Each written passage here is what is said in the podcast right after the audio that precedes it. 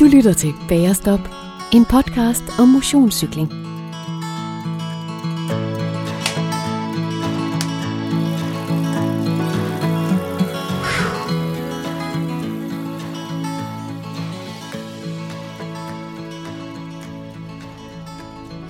Hej og velkommen til Bagerstop.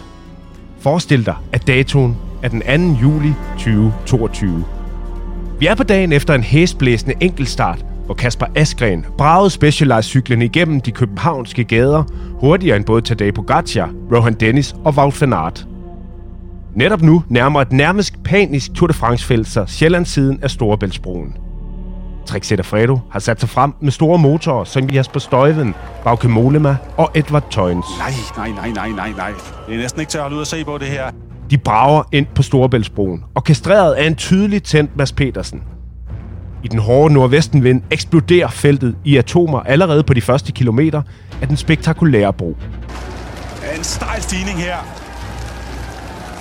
Op over den her bro. Bagerst kæmper kleine bjergryttere for ikke at blive hægtet af og allerede nu lide et ganske alvorligt knæk i kampen for en flot placering i Paris om lidt over tre uger. Men det er håbløst.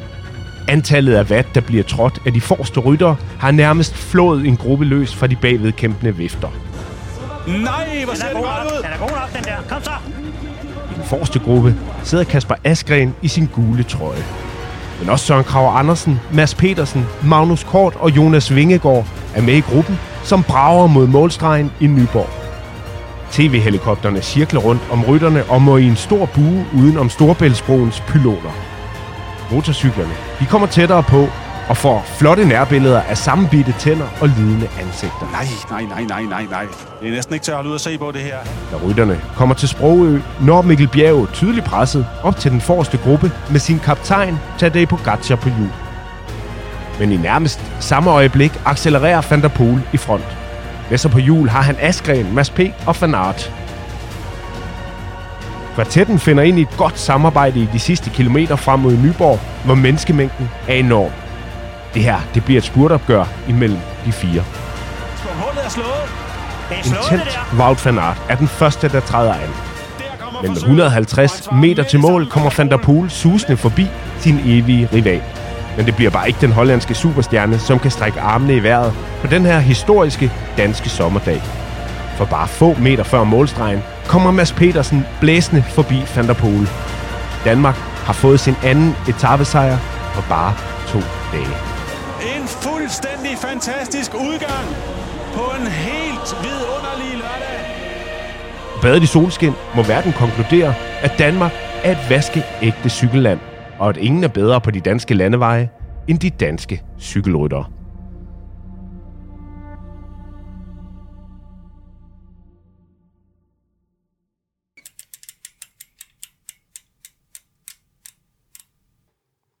Mit navn er Martin Weibel, og det du hørte her var mit drømmescenarie for sommerens gigantiske sportsbegivenhed. For som alle, der lytter med her, de ved, så starter Tour de France nemlig i Danmark i 2022.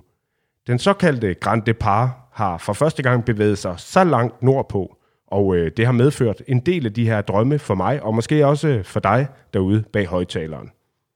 I dag skal vi helt ind under huden på den danske Grand Depart. Vi skal med på rejsen fra drøm til virkelighed. Vi skal høre om forhandlingerne med ASO, den magtfulde organisation bag Tour de France, og så skal vi have helt styr på ruten. Vi skal blive klogere på nogle af nøglemomenterne på de her tre etapper, og så skal vi have hjulpet dig ud på asfalten til din helt egen motionsrytter Recon. Før verdens bedste cykelrytter triller forbi på de samme veje i juli måned. Vi skal snakke ønskescenarier, danske chancer og meget, meget mere. Og øh, med det program foran os, så er vi nødt til at have den helt rigtige gæst med ved mikrofon nummer to. Og øh, det har jeg i dag, for overfor mig sidder nemlig ingen andre end Alex Petersen, manden som mere end øh, nogen anden har animeret den her drøm om øh, en Tour de France-start lige her i H.C. Andersens hjemland. Og selvom det her eventyr ikke kun har én hovedperson, så har den her ildsjæl ikke alene været initiativtager til det her monstrøse projekt, han har også været direktør for det hele. Nu er han overgået til en øh, rolle, som han er mindst lige så god til. Alex Petersen er nemlig blevet talsperson, og øh, hvad kunne i virkeligheden passe bedre til et talemedie som Bærestop? Alex Petersen, velkommen i Bærestop. Mange tak. Alex, øh, hvor meget glæder du dig til øh, starten af juli i år på en skala fra 1 til 10? Jamen, øh, altså, inden jeg fik at vide, at, eller hørte introen her med øh, to danske etappesejre på de første to etapper, der glædede jeg mig allerede 11 på en 10'er skala. Men nu må jeg sige, nu er jeg oppe på en 12'er. det ville være helt fantastisk, hvis, vi, øh, hvis, hvis danske rytter de vandt de første to etapper øh, af Tour de France 2022 her i Danmark. Jeg tror på det. øh, så er det slået fast, ja. øh, og jeg har også glædet mig til at besøge dig i dag, Alex. Øh, det skal ikke være nogen hemmelighed. Du har inviteret mig indenfor her i dit hjem i Herning, og alle ydre rammer er på øh, plads til den her episode. Jeg har Dennis Ritter med, også over øh, telefonen, og han har både en hilsen med til dig og nogle gode tips og råd til øh, jer, som lytter med. Alex, øh, du fortalte mig i telefonen, du har hørt Bagerstop før et par gange, øh, og derfor så er du sikkert også bekendt med regel nummer et for det her program, øh, nemlig kagen. Øh, den har jeg taget med til os i dag, og øh, det er Sarah Bernard-kager. Øh, det, der er særligt ved dem, det er jo, at øh, de faktisk er opfundet i Danmark, men øh, de har fået navn efter en øh, populær fransk skuespillerinde, så øh, vi kombinerer det franske og det danske i dag, ligesom øh, vi kommer til med turstarten i Danmark. Det lyder som en god plan. ja, ikke også? Super. Du rækker bare til, når tak. du er klar. Tak, øh, tak. der er også øh, gammeldags faste lavnsboller, fordi kage, det skal vi altså ikke gå ned på. Øhm, Det er en rigtig bagerstop. ja, ikke også? Der skal kalorier indenbords. Ja. Alex, det er ikke sikkert, at alle rytterne de er klar over det, men du er jo faktisk tidligere verdensmester for amatører, dengang det fandtes. Øhm, du vandt det næst sidste amatør-VM, øh, der blev kørt. Det var i 1994, og det blev afholdt i Italien. Og øh, det er faktisk et af de øh, første cykelløb, jeg sådan rigtig fuldt med i. Jeg sad helt ude på kanten af stolen. Øh, vi skal lige høre en lille lydbid med engelsk kommentator for løbet dengang, som du vandt ved at overspurte en flok øvrige rytter i en decimeret gruppe. Er du med på den? Det kan du tro. Kom her. Coming up toward about 300 metres to go, and then launching that speed. Pedersen goes to the left-hand side. Pedersen then Dvorak goes across to him. Pedersen going for long way. He looks strong all the way through. Can the Danish rider get the goal? He looks good at the moment. Pedersen from Denmark. He's still going like a train. He could well get it. They're trying to come off his wheel as the Frenchman comes at him. And on the line then, Pedersen gets it. Pedersen got that one. Look to be from Dvorak of uh, Slovakia. Ja, du kørte en øh, super lang spurt, Alex. Det var faktisk helt vildt. Øh, jeg, kunne, jeg, jeg, kunne ikke, jeg kunne godt huske, at jeg har set løbet, øh, men ikke præcis, hvordan du, øh, du fik skovlen under de andre her, for det her udbrud, du var med i. Er der mange af dem, du møder her i 2022, som, øh, som kan huske, at du faktisk var en rigtig led kal på en racercykel? Ja, der er nogen, der godt kan huske, at jeg har kørt på cykel i mine unge dage. Øhm, og som jeg plejer selv at sige, så er det en 16-17 kilo siden. øh, men, men det er jo den vej, det går for mange af os. Øhm, nej, altså, det er klart, at øh, det VM der, det var, øh, det var en rigtig god tirsdag eftermiddag, jeg havde der øh, på Sicilien. Og, øh, og det var også ret i, at jeg åbnede måske lidt længere spurten normalt, man vi gøre, men, men mål, det var nede i sådan en lagune, øhm, og det føles ligesom sådan en slags tunnel, altså vinden, den kørte så ligesom rundt, altså der var sådan lidt medvind. Og så tænkte jeg, øh, for at være hudløs ærlig, vi kom jo fem mand, øhm, så tænkte jeg, hvis jeg åbner spurten i medvind, og kommer sådan lidt bagfra, jeg fik lige lavet sådan et, et halvt halv hul øh, til, Ja, det gjorde den nemlig. Ja. Øh, og så lige nu, og så når jeg lige at trække halvanden trøje, før de andre opdager, at jeg kommer. Og så får jeg altså lige sådan en, en halv cykellængde, eller en hel cykellængdes forspring. Og det tænker jeg egentlig, hvis bare jeg gør det, og jeg lykkes med det, øhm, så kommer de ikke forbi mig alle sammen. Om ikke andet, så får jeg i hvert fald en medalje. Og det var først, da jeg var i 25 meter mærke, at jeg tænkte, nu skal de dele mig til at skynde sig lidt, hvis, hvis jeg ikke skal have en guldmedalje. Og, og øh, ja, det var først, da jeg røg stregen, jeg faktisk troede på, at jeg vandt. Øh, selv 25 meter før, der tænkte jeg som sagt det her, nu skal de, nu skal de til at skynde sig. ja. Det var fantastisk. Øhm, den her kærlighed til cyklingen, øh, lever den stadigvæk den dag i dag, øh, når, vi, når vi kigger på den udførende del? Ja, det er, det er, altså, der er jo ikke nogen tvivl om, at øhm, altså, jeg startede med at køre på cykel, da jeg var 10 år. Øh, meldte mig ind i Herning Cykelklub øh, i Mellemste Drenge, første år, som det hed dengang. Øh, og jeg har faktisk aldrig været medlem af andre sportsforeninger, så jeg har aldrig gået til fodbold, eller håndbold, ja. eller badminton, eller sådan noget. Øh, jeg var født og opvokset i Ikast, øh, 11 km fra Herning, og der bor mine forældre stadigvæk. Og Ikast, øh, dengang jeg var mindre eller barn, der skulle man enten spille fodbold eller ishockey. Øh, måske kunne man overleve i byen, hvis man også spillede badminton. Men øh, jeg meldte mig aldrig ind i de der klubber, og øh, min far på det tidspunkt, han, start, han kørte neutral service for Just Distrikt ud til A-cykelløbene. Og der var jeg så ude at se på, på datidens stjerner, det var jo Benny Pedersen fra Skive, og Werner Blausson, og Henning Jørgensen og Eikel Sørensen fra Herning af, og, og andre gode folk, så så jeg var ude og opleve dem derude, og så, så legede vi lidt cykelløb hjemme på gaden, og øhm, ja, så tror jeg også, kvæg min fars passion for cykling, at øh, så skulle jeg prøve det af, øh, da jeg var 10 år, og så blev jeg så meldt ind i Herning Cykelklub, og så blev jeg bidt af det. Øh, så, øh, så jeg har aldrig haft andre sportsgrene, øh, og øh, som sagt, jeg startede da jeg var 10 år, og i dag er jeg 55, så jeg synes selv, jeg har haft 45 fantastiske år i og, og omkring cykelsporten på en eller anden måde. I nogle år har jeg jo både været aktiv, men også øh, som sportsdirektør og både med Italien, med hjælp med at skaffe Italien rundt til Danmark og Tour de France til Danmark og sådan mange ting. Så jeg har sådan ligesom været, haft cykling inde i mit liv, øh, lige siden jeg, jeg startede tilbage i 19, øh, 77 var det, 78, 78. Ja, ja nu sagde du øh, lige til mig her, at du, øh, du har været ude og løbe en tur i dag, men øh, racercyklen, den står også. Den står også, og, og jeg, øh, jeg cykler stadigvæk et, et par gange i ugen øh, her hen over vinteren. Det er primært på min mountainbike, hvor jeg har et par ruter rundt sådan omkring halvanden time. Fem, fem kvarter, seks kvarter. Mere bliver det ikke til, og mere har jeg heller ikke lyst til på grund af vejr og vind. Og, og om sommeren, der er, det, så, der er jeg så op på nok en tre gange i snit i ugen, hvor jeg cykler ja. en, en, en 45-50 km. Maks to timer. Jeg, jeg, jeg vokser lidt fra de der lange ture på 100 km eller 200 km, som mange andre motionister gør.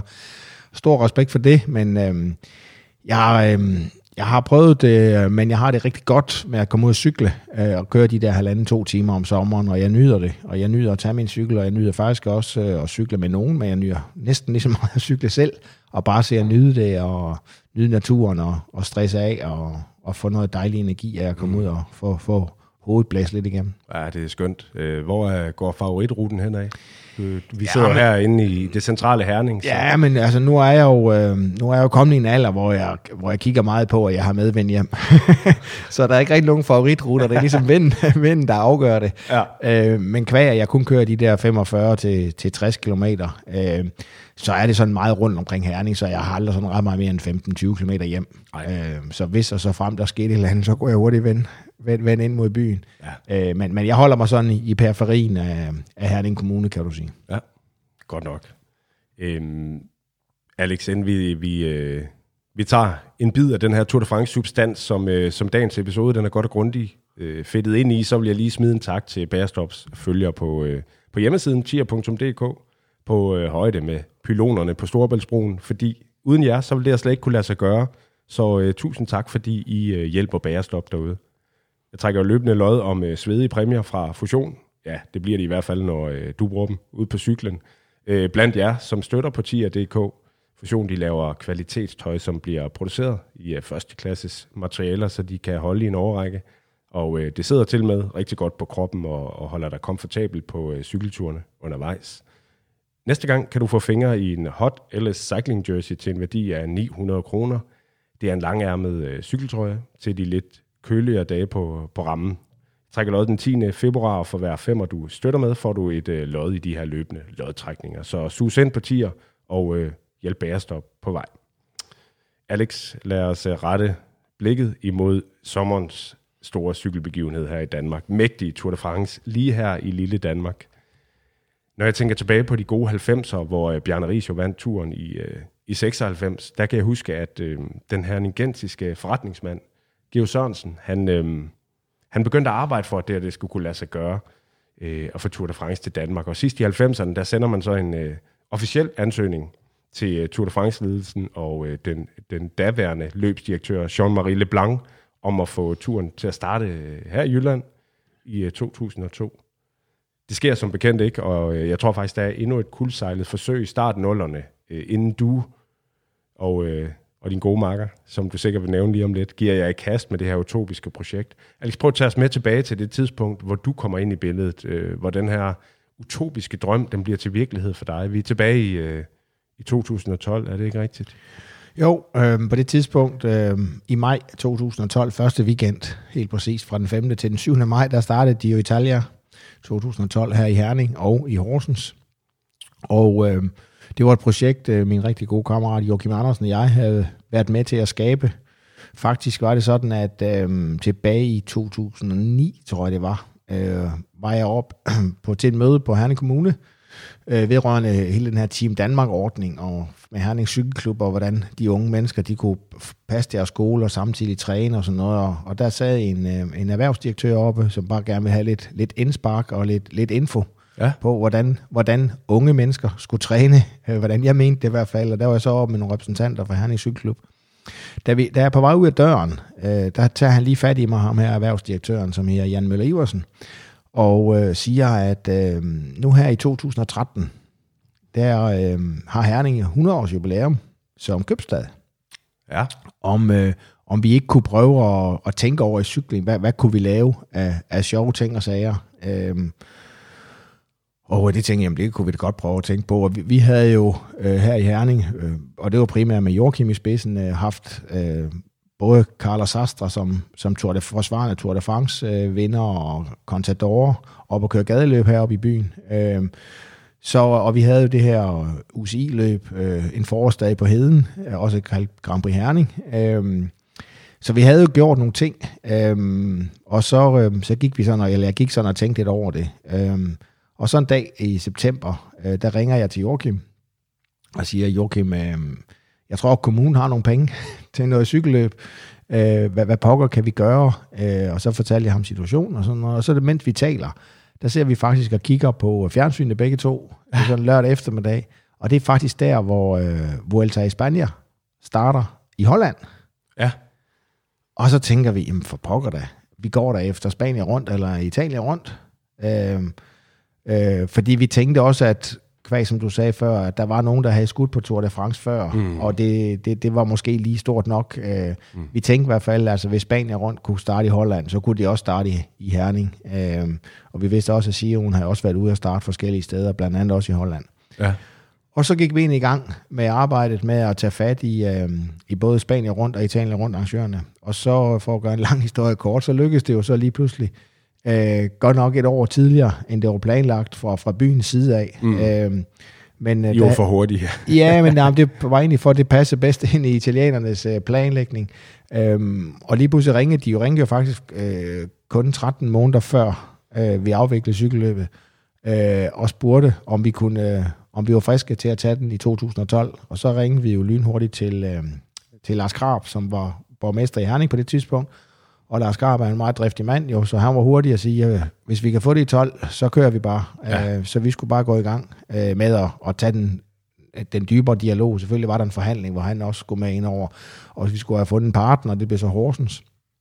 Øhm, men så gik tingene relativt hurtigt der, øhm, og så offentliggjorde vi det faktisk øh, 1. april, kan jeg huske, øh, 2011. Ja. Og øhm, hele den danske verdenspresse, tror jeg, ringede mig ned. Øh, men jeg var faktisk på forretningsrejse i, øh, i hvad her det, øh, i øh, Colombia. Okay. Øhm, og øh, nej, undskyld, Bolivia. Ja. Bolivia. Og, øhm, og øh, så jeg var ikke hjemme, øh, men de ringede der et par dage før, og sådan noget. Altså, nogen talte jeg med, og sådan noget. og De, de syntes, det var mærkeligt, at, øh, at der blev indkaldt til et pressemøde i Herning øh, 1. april, om det var en april snart. så sagde jeg bare, jamen, jeg, Hvad skulle man tro? jeg, for, jeg fik mig sådan galente lidt ud om det, og så fik jeg bare sagt, at, øh, at jeg troede ikke en borgmester, han ville lave april snart med, med den danske verdenspresse, sportspresse, så jeg troede, det var en god idé at møde op til det her pressemøde. Og, øh, og så offentliggjorde øh, Herning og, og, og Horsens borgmesterne der, at, øh, at Sion skulle komme øh, i maj 12. Øh, ja. Og så, så gik det stærkt derfra. Og så var det jo så, at, at da vi har haft Sion, øh, og det er jo slut, der står Joachim og jeg øh, nede på Strandboulevarden i Horsens, helt præcis 7. maj 2012, og synes, det har været en fantastisk rejse. Dels med hele arbejdet derfra fra 9 og så frem til, til, øh, til 12. Øh, men, men vi var jo så mest med øh, på sidelinjen øh, de sidste år. Vi, vi sagde ikke i den daglige øh, hvad her det, eksekvering af, af processen. Øh, men øh, vi synes, det har været så sjovt, øh, at vi tænkte, hvorfor ikke prøve at tage fat i øh, ASO og se, om vi ikke kunne øh, få lov til at få ja, Tour de? France til Danmark. ja. så det gjorde vi. Det er, altså, du er jo en ydmyg mand, når du sidder her, øh, Alex, men, men det er jo, altså jeg fornemmer også, at, øh, at det er ikke sådan, du lader det gå på, eller, eller tynge ned af, at det er nogle store spillere, I har med at gøre her. Nej, men det var jo sådan, at, øhm, at, at både Joachim og jeg har, har et rigtig godt øh, netværk internationalt. Øh, Vi har jo fået et godt forhold til italienerne. Øh, vi har en fælles bekendt i Luxembourg, det her et budget, som har hjulpet os øh, med italienerne med at få døren sparket op og sådan hele den dialog øh, med dem. Øh, vi fik også et til at hjælpe os med og lige at booke det første møde nede ved Christian på Dom. Øh, jeg kendte mange af dem fra ASO af, kvæg nogle af dem har jeg cyklet med, nogle var i ASO, da jeg var sportsdirektør på, på Bjarne Riese cykelhold ja. tilbage i nullerne.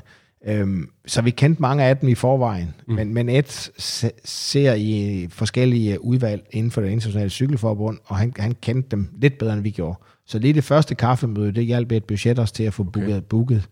Øhm, og så tog vi egentlig bare ned, og øhm, altså det er jo sådan, at de, fra, fra maj 12 til, til efteråret 14, øh, er det jo sådan set kun Joachim og jeg, øh, der er sådan enmands- eller tomands her, kan man sige. Ja. Øhm, der arbejder på det her. Der er jo ikke rigtig andre i Danmark, der sådan set er klar over, at vi, vi har gang i, øh, i en eller anden proces, øh, fordi ligesom med Sion, øh, var vi ikke interesseret i det der med, ulven kommer, ulven kommer. Øhm, og derfor havde vi jo sådan en ordentlig, øh, kan man sige, overraskelse 1. april 2011, da man offentliggjorde Sion. Men, Men hvem betaler jer for det her arbejde, Alex? Fordi I ligger jo virkelig mange timer i det her, i de, i de første år. Jamen, de første par år, der, der finansierer vi det faktisk selv ja. øh, Joachim og jeg. Øhm, og det gør vi ud fra den her passion for cykelsporten, og øh, nogle gange så tog vi jo vores kone og kærester med til Paris, ja. når vi skulle ned og besøge ham. Så fik vi en forlænget weekend øh, der, og andre gange var vi ude til cykelløb. Det synes vi også var fedt nok at komme ud og se uh, Lies Bastogne Lies eller andre cykelløb, oh, ja. hvor, hvor vi mødte på dem. Ja. Uh, så på den måde, så, så, så var det vores hobby også, vi, vi brugte vores penge på. Okay. Uh, så, uh, så, så, så på den måde, så ja, så brugte, og så brugte vi vores fritid, men, øh, men det, det, det så vi jo ikke som arbejde. Vi så det igen som, som en hobby. Du har nævnt ham nogle gange, øh, Joachim Andersen. Øh, hvad er jeres forhold? Hvem er Joachim Andersen? Jamen, Joachim Andersen og jeg, øh, vi mødtes i Herning Cykelklub vel for, det ved jeg ikke, 30 år siden, eller sådan noget stil, da vi var hele unge knægte. Og øh, der cyklede Joachim også.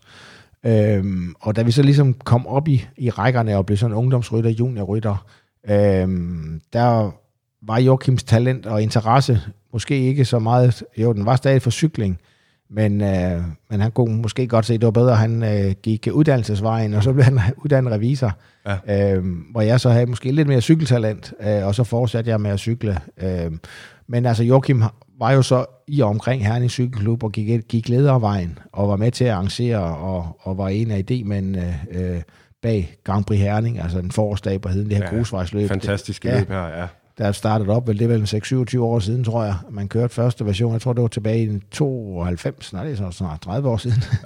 Ja. øhm, så, han, så han var rundt i, i, i, øh, i cykelklubben.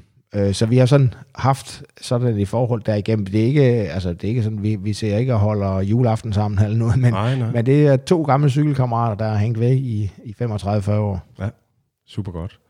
Øhm, det var kæmpestort det her med at få Shiven til Danmark også, øh, men jeg går ud fra, at det var en helt anden opgave for Prodom og resten af turledelsen overbevist om, at en, øh, en dansk Grand Depart, det var en god idé, hvis du sammenligner. Ja, men altså, øh, øh, man kan sige, at øh, da vi var, øh, altså Sion og italienerne øh, er jo nok lidt øh, nemmere at komme i nærheden af, øh, også fordi de tænker rigtig, rigtig meget kommercielt. Det gør ASO også, slet ikke det.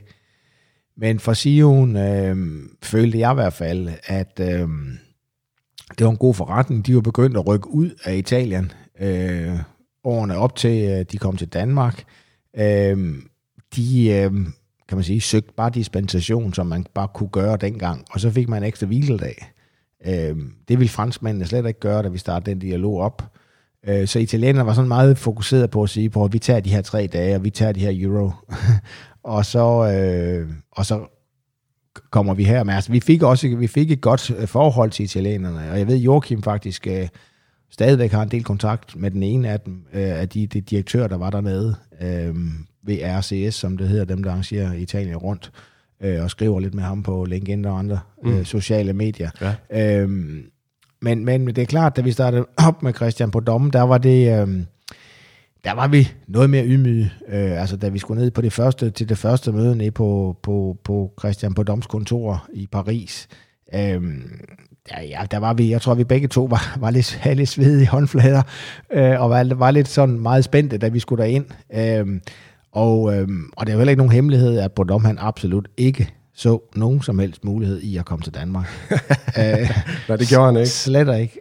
Øh, og det første års tid, øh, hvor vi sådan ligesom fik os selv inviteret både til, til kaffemøder i Paris, men også mødte ham ud til cykelløb eller cykelkonferencer, øh, mm.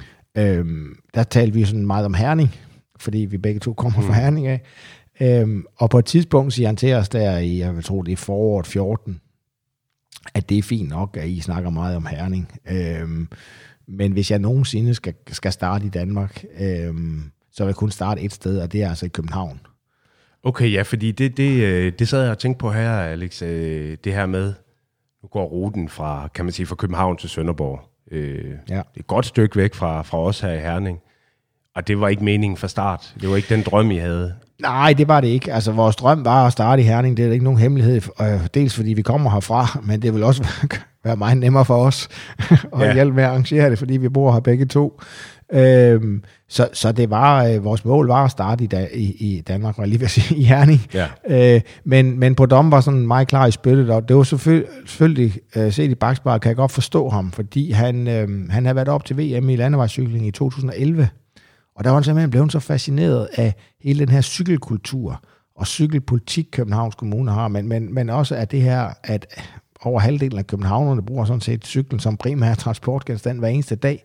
Og han har jo stået nede på, på H.C. Andersens Boulevard der om morgenen og set uh, alle københavnerne cykle til at fra arbejde, ja. og var fuldstændig fascineret og har taget billeder og sendt hjem til familien og set, prøv at høre, de, de cykler i hovedstaden i Danmark, de, gør, de cykler jo ikke i Paris, der er jo ikke nogen, der tør at cykle i sagt, fordi der ikke rigtig er nogen cykelstier, og, og, og det, der er meget trafik nede. Ikke? Så, så, så det har betydet noget for ham? Det har betydet noget for ham, at Danmark er et cykelland?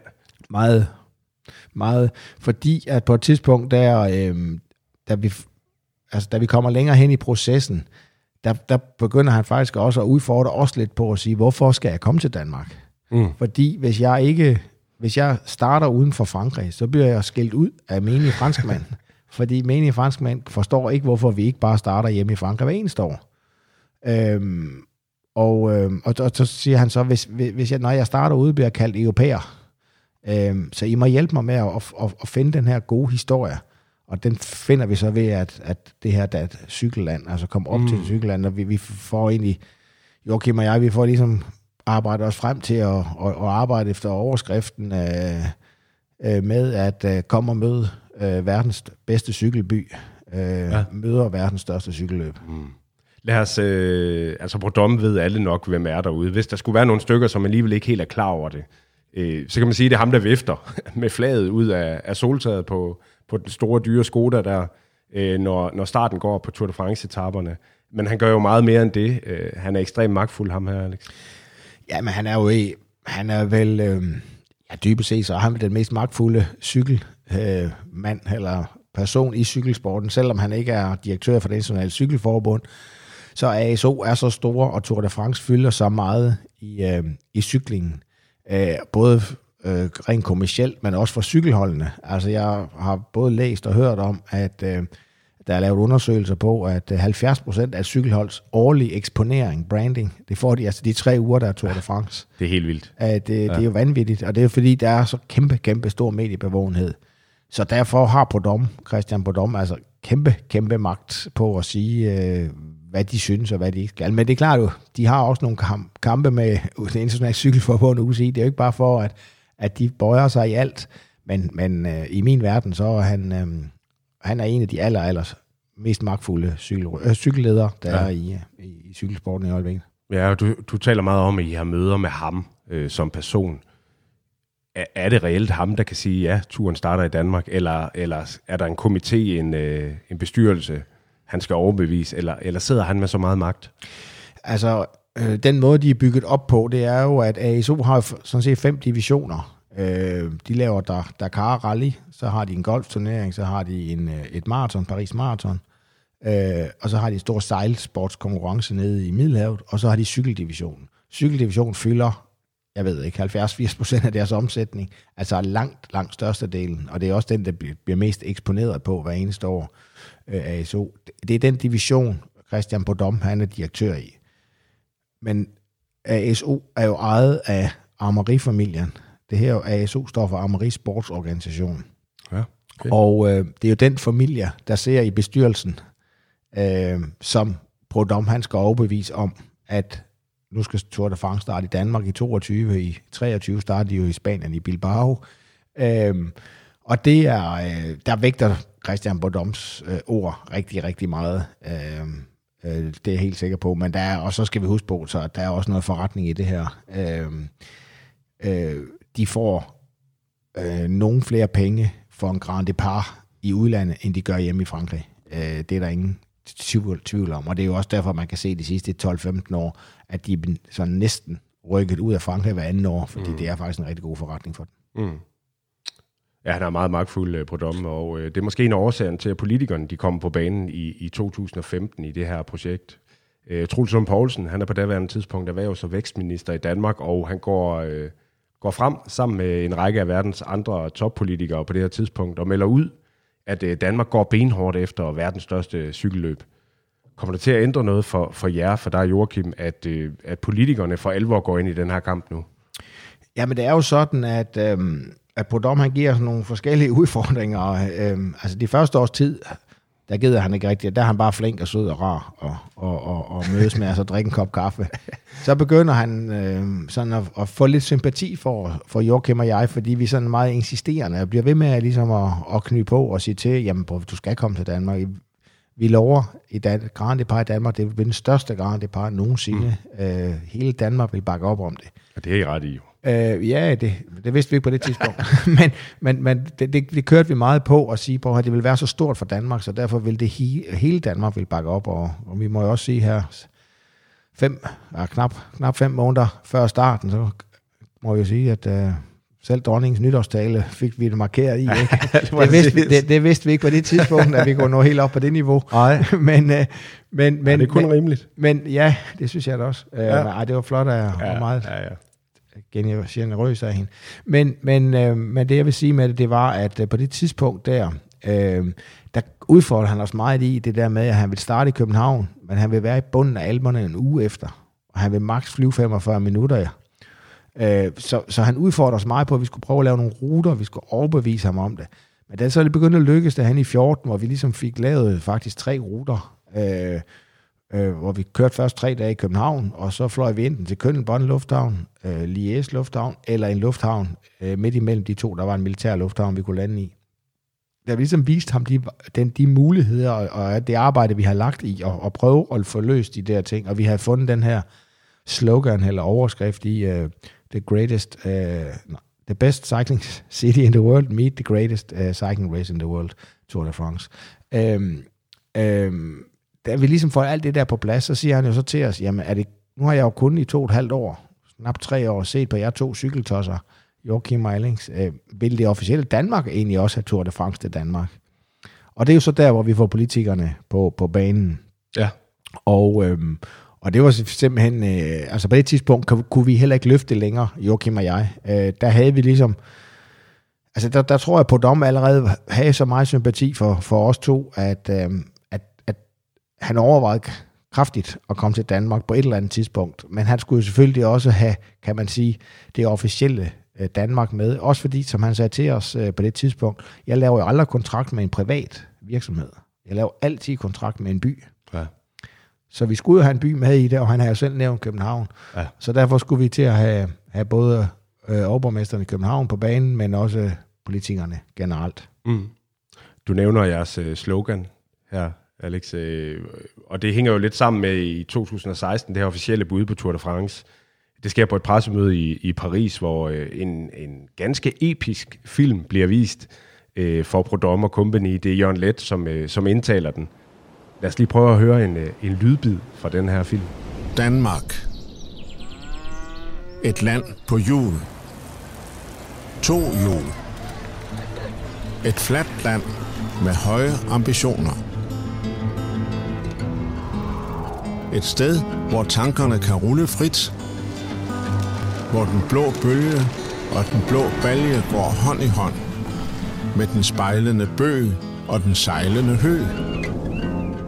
Et land på to hjul. Et folk på to hjul, rullende, gennem byens brostensbelagte gader, over de gule rapsmarker, gennem den grønne skov, over broen og ind i hjertet. Et lille land forbundet af betonslanger, der bringer mobilitet, stabilitet, agilitet. Og den største af dem alle, majestætiske Storebælt. Broen, der forbinder vores lille land med sig selv, med Europa, med Frankrig. Et land, hvor to hjul er bedre end et, og tre kan være bedre end to. Hvor livet leves på den gode måde. Med venner, kollegaer, familien og kærligheden. Ja, Danmark det er et, øh, et rigtigt cykelland, og et land med, med rigtig meget vind og rigtig meget vand. Ja, det er afgørende parametre, øh, de sidste her også for, for Tour de France-ledelsen. Øhm, nej, og, og ja. øh, ikke så meget med vandet, men, øhm, men man kan sige, at, øhm, at Prodom siger jo til os, øh, øhm, det er faktisk først, da vi kommer til forhandlingsforløbet der i efteråret 18, at han begynder ligesom at sige, at øh, han vil slutte ud på Storbæltsbroen. Og det var netop, og det var netop for at slutte, øh, eller at få, få øh, vind med i spil i, øh, i, i, kan man sige, ud fra det sportslige synspunkt. Og øh, hvis vi tænker tilbage, så var det selvfølgelig fordi, at i 2015, der kører starter man i Utrecht, og der var anden etape sluttede med helt ude ved den engelske kanal ude på digerne, og der var voldsom vind, øh, og der kom feltet i sådan nogle 15-20 mands grupper hjem, og ham, den lille kolumbianer, Quintana, han tabte minutter nogen og 20 sekunder den dag. Og tre uger efter i Paris var han faktisk en minut og nogen og 20 sekunder efter Christopher ja. Froome øh, samlagt øh, og blev nummer to i Tour de France. Så på dem ligesom have, have noteret sig der, at rent teoretisk kunne man godt sige, at Quintana han tabte Tour de France på anden etape i sidevinden. Ja. Og derfor siger han så til os, at øh, fordi i det bud, du lige hen, hvad jeg henviste til før, fra den 20. juni 2016, der var anden etape jo plan i planlagt til at skulle have Roskilde Odense. Ja. Men Bodom kommer så i, i forhandlingen der i efteråret 2018 og siger, at øh, han, vil altså, han har ikke noget imod Odense, og det er helt sikkert en dejlig by. Han ved også, det er hos Andersens fødeby. Men han, øh, men han vil simpelthen stoppe ud på broen øh, på anden etape, fordi at øh, hvis vi skal have de store stjerner og klassementrytterne i spil i Danmark, øh, fordi vi har så gode veje, øh, så skal vi simpelthen bruge vinden. Og, øh, og, og der er jo ikke noget bedre sted, end at sende øh, en flok cykelrytter ud på en bro i små 20 km. Næsten lige meget, hvor, hvor lidt vind der er, så vil man jo blive udfordret ude på Storebæltsbroen. Øh, så er det bare at håbe på, øh, set ud fra sportsligt at retningen er den rigtige. Ja, det er svært nok at køre i bil over det nogle gange, ikke? Ja, lige nok. Ja. Så, så vi skal jo håbe på, at der er nordvestenvind den 2. juli øh, her til sommer. Ikke? Men, men, men det kan vi selvfølgelig ikke være herover, men, men vi er nødt til at ligesom, lave rammerne for, at der er en potentiel mulighed for, at vi kan virkelig udfordre rytterne, og, og øh, jeg er også helt sikker på, at alle bagerstops øh, lytter er helt med på, at øh, sådan 18-19 km i, i sidevind, øh, det kan godt lave lidt ballade i sådan et cykelfelt. Det er helt sikkert. Der skal mange Saar til, for ja. at, øh, at det kan lade sig gøre det der. Øhm, ja, øh, det er super godt. I 2018, der, der fortsætter I nemlig den her kamp, som du er inde på. Københavns overborgmester Frank Jensen, han, øh, han kommer med i løbsbilen øh, hos Prodom øh, under en etape i turen, og øh, nu skal det være, hvis, hvis Danmark de skal have det her til at lykkes, fordi... Øh, er det ikke rigtigt, det var i 1920 eller 21, man satsede på, man ligesom havde øh, lagt billet ind på, at, at man skulle have Grand Depart en af de her år, og øh, nu er vi i 18. Begynder du at frygte nu, at, øh, at det her, det, det kan blive svært at få til at lykkes? Ja, jeg vil sige sådan, at, at da vi sender ansøgningen, da, da, da overborgmesteren fra København, Frank Jensen, og derværende erhvervsminister Tore Jones Poulsen gav det danske bud den, 20, øh, den 16. juni, nej, 20. juni, tror jeg det er, 2016. Der er mange datoer. Ja, øh, ja jeg er dybt imponeret over, at du er så god til at huske dem alligevel. Ja, ja. Øhm, der, var, der bød Danmark på 18, 19 og 20. Men allerede i løbet af 2017 var det, der, der væsker på dommen, Joachim og jeg i øret, om vi ikke godt kunne prøve at spørge politikerne, om de måske også godt kunne have budet være gældende i 21. Okay. Og det, der begyndte han sådan at være lidt udfordret, og det viser, at det var fordi, at i 2019 ville han rigtig gerne starte i Bruxelles. Fordi i 2019 var det 100 år siden, man har indført den gule trøje, så den skulle man hylde der.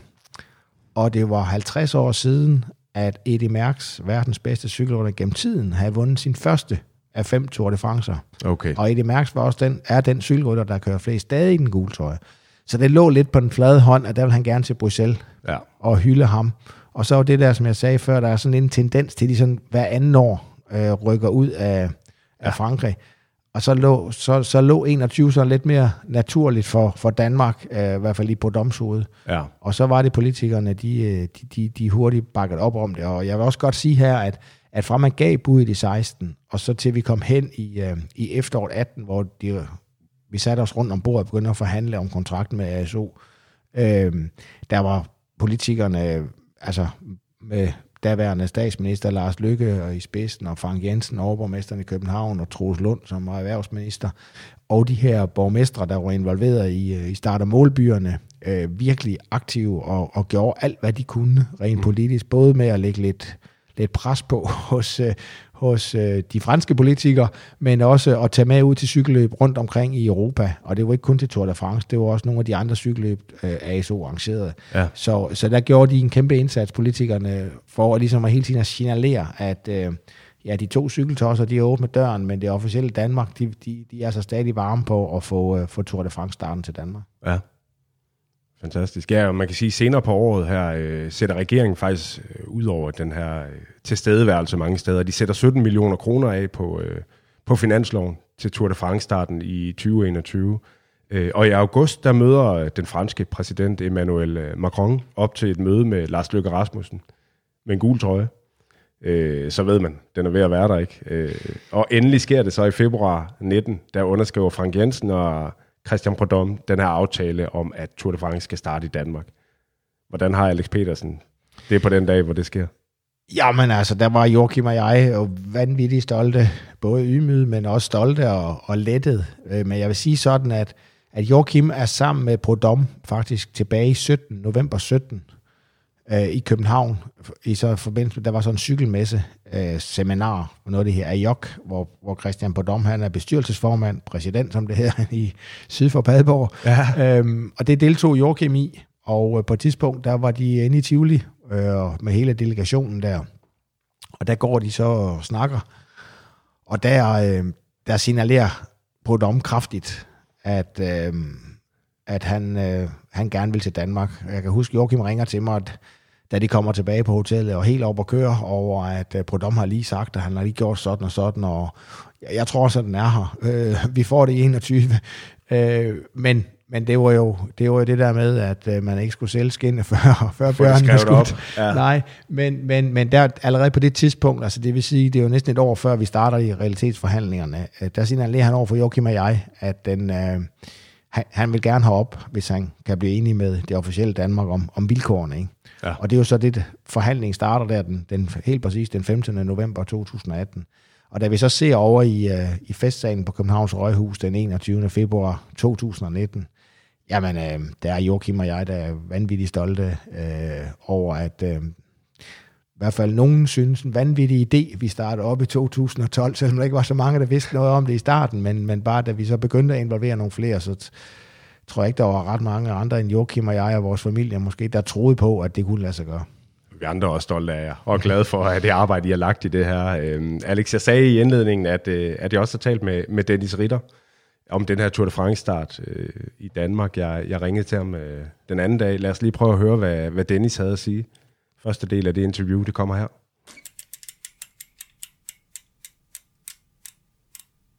Øh, Dennis Ritter, for øh, rigtig mange, mig selv inklusiv, øh, der er du jo lyden af Tour de France og lyden af sommer. Øh, det bliver du også den her sommer, hvor Tour de France jo bliver noget helt særligt for os danskere. For øh, turen kommer jo til Danmark. Hvor stort synes øh, du, at det her det er? Jamen, det er øh, et svar, jeg, eller et spørgsmål, jeg er blevet stillet mange gange, og jeg stadig ikke har fundet et, et særligt godt svar på, fordi det sprænger alle skalaer for mig, det her. Altså, det er jo noget, jeg aldrig i virkeligheden havde troet, øh, vi skulle få. Øh, selvom jeg har fulgt processen ret tæt øh, mm. alle årene, øh, hvor man kæmpede for at få det til Danmark. Det er øh, helt ufattelig spændende og en så unik mulighed, at jeg, jeg er i tvivl om, om folk egentlig har forstået, hvor, hvor, øh, hvor stort det er. Mm. altså, det er jo trods alt, øh, altså det er jo det nordligste sted, turen nogensinde har startet, og, og, og, og jeg ved jo, hvor svære ASO har været at mm. kæmpe med i denne her proces her, og hvor afvisende det var i starten. Mm. Også de to tidligere forsøg, der har været øh, for år tilbage på turen til Danmark. Ja. Det bliver gigantisk stort, og jeg tror ikke, vi helt har forstået det, før vi står midt i det, eller før det måske i virkeligheden er forbi hvor, øh, hvor kæmpestor en verdensbegivenhed det her det var. Ja, præcis. Altså, øh, jeg tror også selv, man har svært ved at forstå det stadigvæk. Man, man danner ja. sig nogle gange de her billeder oven i hovedet af, af en folkemængde, der står og, og jubler de her rytter igennem det danske landskab øh, til den her begivenhed. Øhm, og du får jo rollen at formidle det her, øh, den her gigantiske ja. begivenhed ude, til, ude i stuerne, campingvognene og sommerhusene rundt omkring, hvor, hvor turen jo bliver set. Øhm, mm-hmm. Hvordan har du det med det, at det, øh, det bliver meget dig?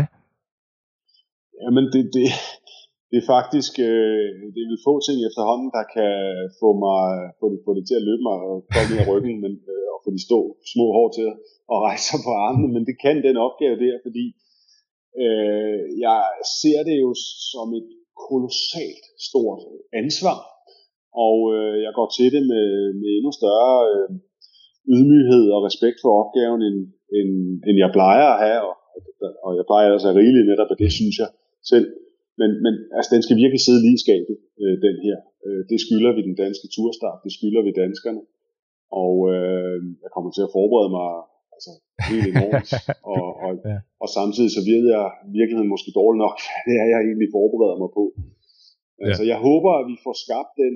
Øh, jeg ved, jeg har jo oplevet mange turstarter i mange forskellige steder, og både i og uden for Frankrig, og jeg håber, at vi får en af dem, som vi virkelig, virkelig husker. Altså, ligesom vi gjorde det i særdeleshed i England i 2014, som jo nok er den, jeg husker allermest tydeligt. Ja. Øhm, når du sådan går rundt, og du snakker jo meget cykling øh, med folk, både fordi det interesserer dig, og, og, og det ved folk jo også, at det gør, så øh, hvad hedder det? Kan, kan du mærke det på, øh, på folk, at det her det er altså noget særligt, øh, når du sådan snakker med dem? Ja, det kan jeg. Det kan jeg. Og, og jeg vil sige, som øh, dagene og ugerne går mere og mere konkret, fordi nu begynder jeg at høre om, hvordan folk forbereder sig mm. ude i byerne, hvordan der er i gang i at lave forskellige events og happenings og hyldester til turen og sådan Det begynder at blive mere og mere konkret. Men altså også bare det øh, smittende engagement og altså det niveau, folk glæder sig på, det, det kan jeg virkelig mærke, og det har jeg kunne mærke længe. Ja. Øh, og, og samtidig folk, altså virkelig, jeg fornemmer også, at der er mange, der har dyb respekt faktisk for, at det overhovedet lykkes. Altså, ja, og, og det er det jo. Til ja. vores lille land, ikke? Ja. ja, og det er det jo øh, hovedsageligt på grund af Alex Petersen, øhm, som, øh, som har været med til at få den her Grand Depart til Danmark. Altså, hvordan vurderer du, øh, ud fra dit kendskab, øh, hans rolle i det her. Hvor meget har vi at takke Alex for i forhold til, at det kommer til at ske? Jeg vil tage Joachim øh, Andersen. Joachim Andersen, ja. Her, ja. Altså Alex og Joachim er jo, øh, altså, øh, det, de er jo de absolute hovedmænd bag det her. Det var deres idé. Det er dem, der har stampet det op af jorden. Det er dem, der har fundet de andre personager, øh, der senere hen er kommet ind og også har spillet en afgørende rolle i processen. Der tænker jeg jo på, på, øh, på både regeringer og ikke mindst kongehus og sådan nogle ting. Ja. Men det er jo dem, der har sat gang i hele den der proces, altså lavet den første snebold, som de så fik til at rulle sig. Og, og, og det kræver jo, øh, altså hvad skal man sige, det kræver jo iværksættere, der tør tænke stort, øh, og tør tro på, at øh, selvom alle andre siger, det er umuligt, så kan det faktisk lade sig gøre. Og der, der er det Alex og Joachim, som, som jeg øh, fornemmer det, som, som vi har alt at takke for i, i den sammenhæng der. Det, det er det simpelthen. Ja. Dennis, øh, vil du sende en hilsen til ham? Han, øh, han kommer til at sidde lige over for mig og lytte til dine ord her. Øh, dem der afspiller jeg for ham. Jamen, øh, det, det kan du tro, jeg vil. Øh, hej Alex, øh, jeg håber, jeg håber virkelig, øh, alt er vel. Jeg, jeg fornemmer, der er styr på stumperne og detaljerne, og, øh, og at det kører øh, på en snor. Jeg håber også, at du husker og I øh, husker at passe lidt på jer selv, øh, og være lidt gode ved jer selv undervejs her, fordi der, der kan hurtigt blive mange ting at holde styr på, kan jeg forestille mig. Øh, og øh, jeg kan da i hvert fald bare sige, at for de folk, som jeg kender til, som også kommer til at have med det her at gøre, øh, så er, er vi indstillet på at gå gennem ild og vand for gennem vores små roller og få det til at lykkes øh, rigtig, rigtig godt. Det er, det er indstillingen herfra. Hold, hold kæft for, jeg glæder mig, og vi i TV2 øh, glæder os helt vildt.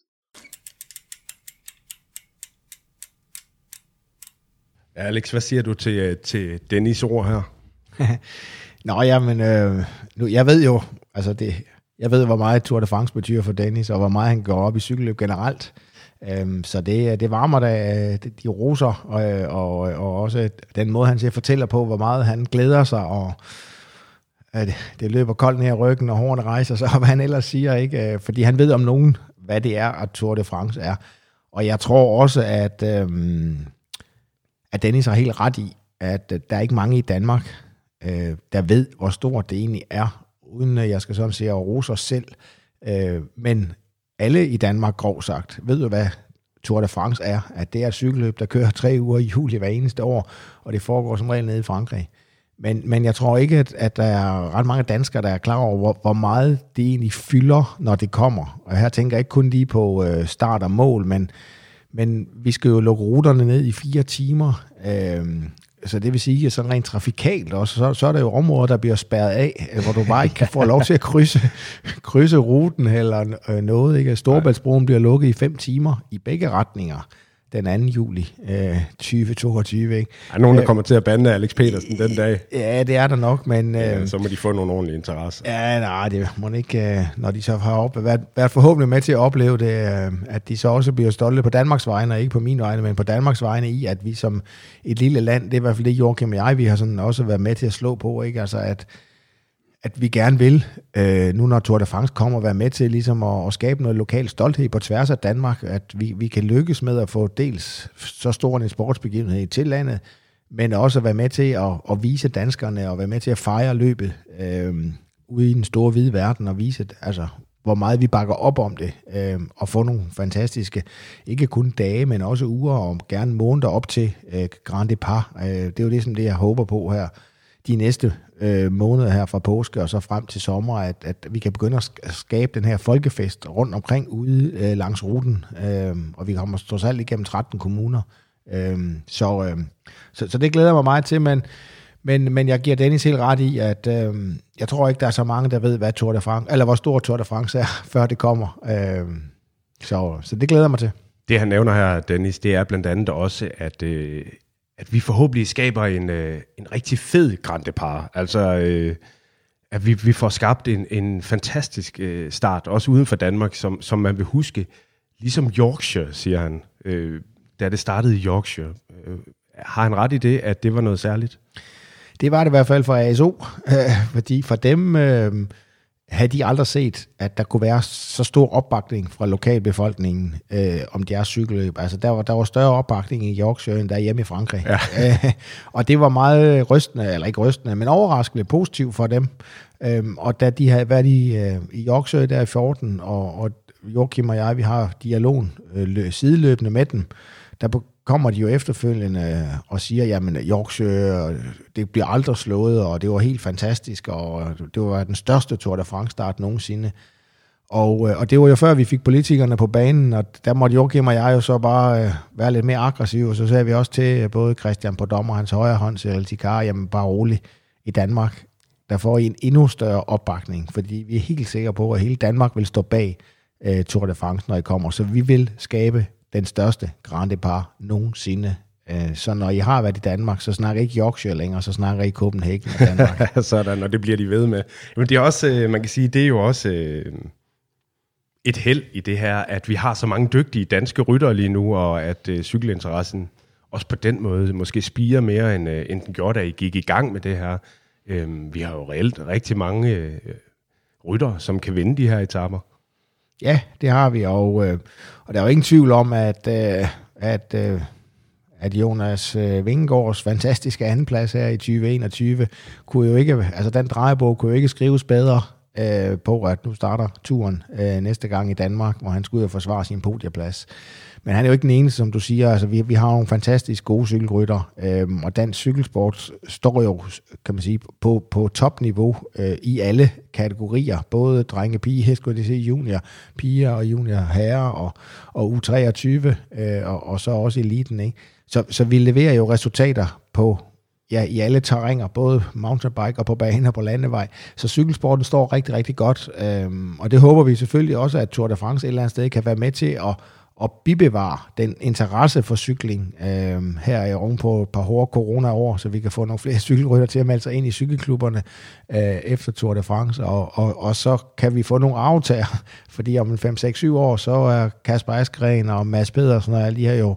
Jonas Vingegaard måske på vej på pension, så skulle der gerne komme nogle nye cykelrytter, det håber vi jo også på, at Tour de France kan være med til at, at animere og motivere unge knægte øh, og piger til at komme ud og cykle, fordi at, øh, der er jo ikke rigtig nogen undersøgelser lavet på det, men øh, da der var VM i 2011 i, øh, i København, og, og i 2012 var der så Giro Italia, og, øh, og hvis man sådan ligesom spoler tiden, det er jo små 10-11 år tilbage, øh, det var altså dengang Kasper Askren, Søren Krav, Jonas Vingegaard begyndte at køre på cykel.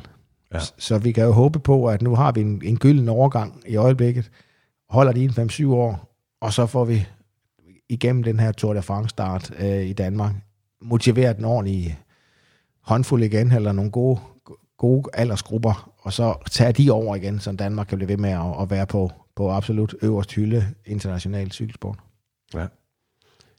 Du har, du, øh, du har været igennem den her vilde proces, øh, Alex. Jeg ved, du, øh, du glæder dig sindssygt meget, men er der også noget, du frygter? Nej, det er der som ikke. Øhm, jeg synes, at der er rigtig mange gode kræfter, øh, der arbejder på at få det her til at lykkes, øh, sådan at, at Grand Depart bliver den største Grand Depart nogensinde. Altså Grand Depart i Danmark bliver den største nogensinde. Der er rigtig gode folk med øh, ombord øh, myndighederne øh, er vildt engagerede, og her tænker jeg primært på politiet, for det, det er jo det der med at lukke ruterne ned, og Storebæltsbroen, og godt samarbejde med Sund og Bælt, og øh, godt samarbejde med, med hele Sundhedsstyrelsen vedrørende øh, der er jo også nogle udfordringer, når du lukker så meget ned. Hvad gør man, hvis der lige pludselig skal bruges ambulancer og alt muligt andet på kryds og tværs af ruten? Øh, men altså, jeg vil sige sådan, myndighederne i Danmark øh, har virkelig øh, engageret sig i processen, og der ser jeg nogle dygtige, kompetente folk, som, som jeg er helt tryg ved, der får løst den her opgave, og de er også i tæt, tæt dialog med både ASO og franske myndigheder med at, at, at drage den her øh, erfaring. Og så ude hos de fem start målbyer, øh, ser der nogle super, super engagerede og dygtige øh, projektledere, som ligesom skal være med til at, at have tingene på plads, og, og, og at alting afvikles bedst øh, muligt på de dage, der er cykelløb, men selvfølgelig også i ugerne og månederne op til for at skabe den her lokale folkefest. Og det er så også øh, det samme gældende hos de her øh, otte andre kommuner, vi cykler igennem, hvor der også er nogle projektledere, der ser og, og skal være med til, at når cykelfeltet kommer forbi den her kommune, øh, måske i 35 km, så er vi det kommune, så kører vi i næste kommune.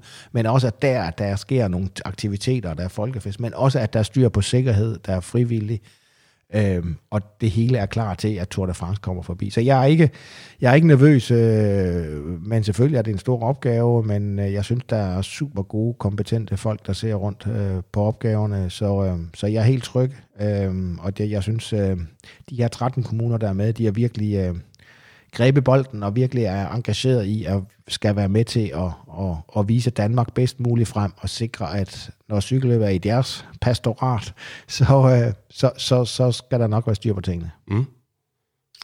Altså, øh, ja, du er inde på det her logistikken. Altså, det er jo et sammensurium, der, der minder om min øh, kasse med cykelreservedele derhjemme. Altså, det, der er alle mulige ting, og, og der er meget at holde styr på. Øh, kommer hele øh, den her gigantiske reklamekaravane, som, som alle har hørt om og, og set billeder fra, øh, kom, kommer det hele til Danmark? Kommer alle lastbiler til Danmark? Kommer hele det her show til Danmark? Får vi øh, den fulde pakke? Jo, men øh, det er jo ikke en Grand par. det er jo ikke Tour de France, hvis der ikke er en reklamekaravane. Det er jo en del af, af Tour de France. Det er jo en del af det, øh, alle de her mange, forhåbentlig 100.000 vis af tilskuere, der står langs de her små 400 km, vi cykler i, i Danmark. Øh, Øhm, så, så selvfølgelig kommer der en reklamekaravane, men om der kommer 112 biler, eller der kommer 147, det ved vi ikke på nuværende tidspunkt. Øh, det er SO ved stille og roligt at få et overblik over nu her, øh, ja, her i løbet af, af første kvartal, øh, vil jeg tro. Øh, Og det er, jo, det er jo dem, der skal bringe dem op. Øh, men der kommer en, en, en stor, flot reklamekaravane, og øh, den glæder vi selvfølgelig også til, at danskerne skal opleve på her hjemme på, på hjemmebane, og ikke på en, på en bjergskåring nede i Alberne eller i Pyrenæerne, men nu kan de altså opleve den ude på øh, Asnes Indelukket, øh, ja. den første bjergspurt ja, i Tour de France 2022. ja, ja. Hvor meget plads kræver det her? Øh, altså, er der en grænse for, hvor I har kunne øh, som placere målstregen, for eksempel? Øh, hvor ja. meget plads kræver det her? Ja, men det kræver meget plads. Øh, men der er ASO nogle fantastiske samarbejdspartnere, fordi de ved, hvad der skal til for, at tingene fungerer. Så, så fra dag et af, altså fra vi, vi skriver kontrakten tilbage den 21. februar 2019, og indtil og med 3. juli 2022, der har ASO ligesom den tilgang til det, at vi kommer kun til Danmark for at være gode gæster. Men, og, og med det vil sige, at det er, de lytter meget til, hvor, hvor vi gerne vil have ruterne skulle være, men også hvor skal start og mål være. Men så at de så siger, det er fint nok, I gerne vil have mål her.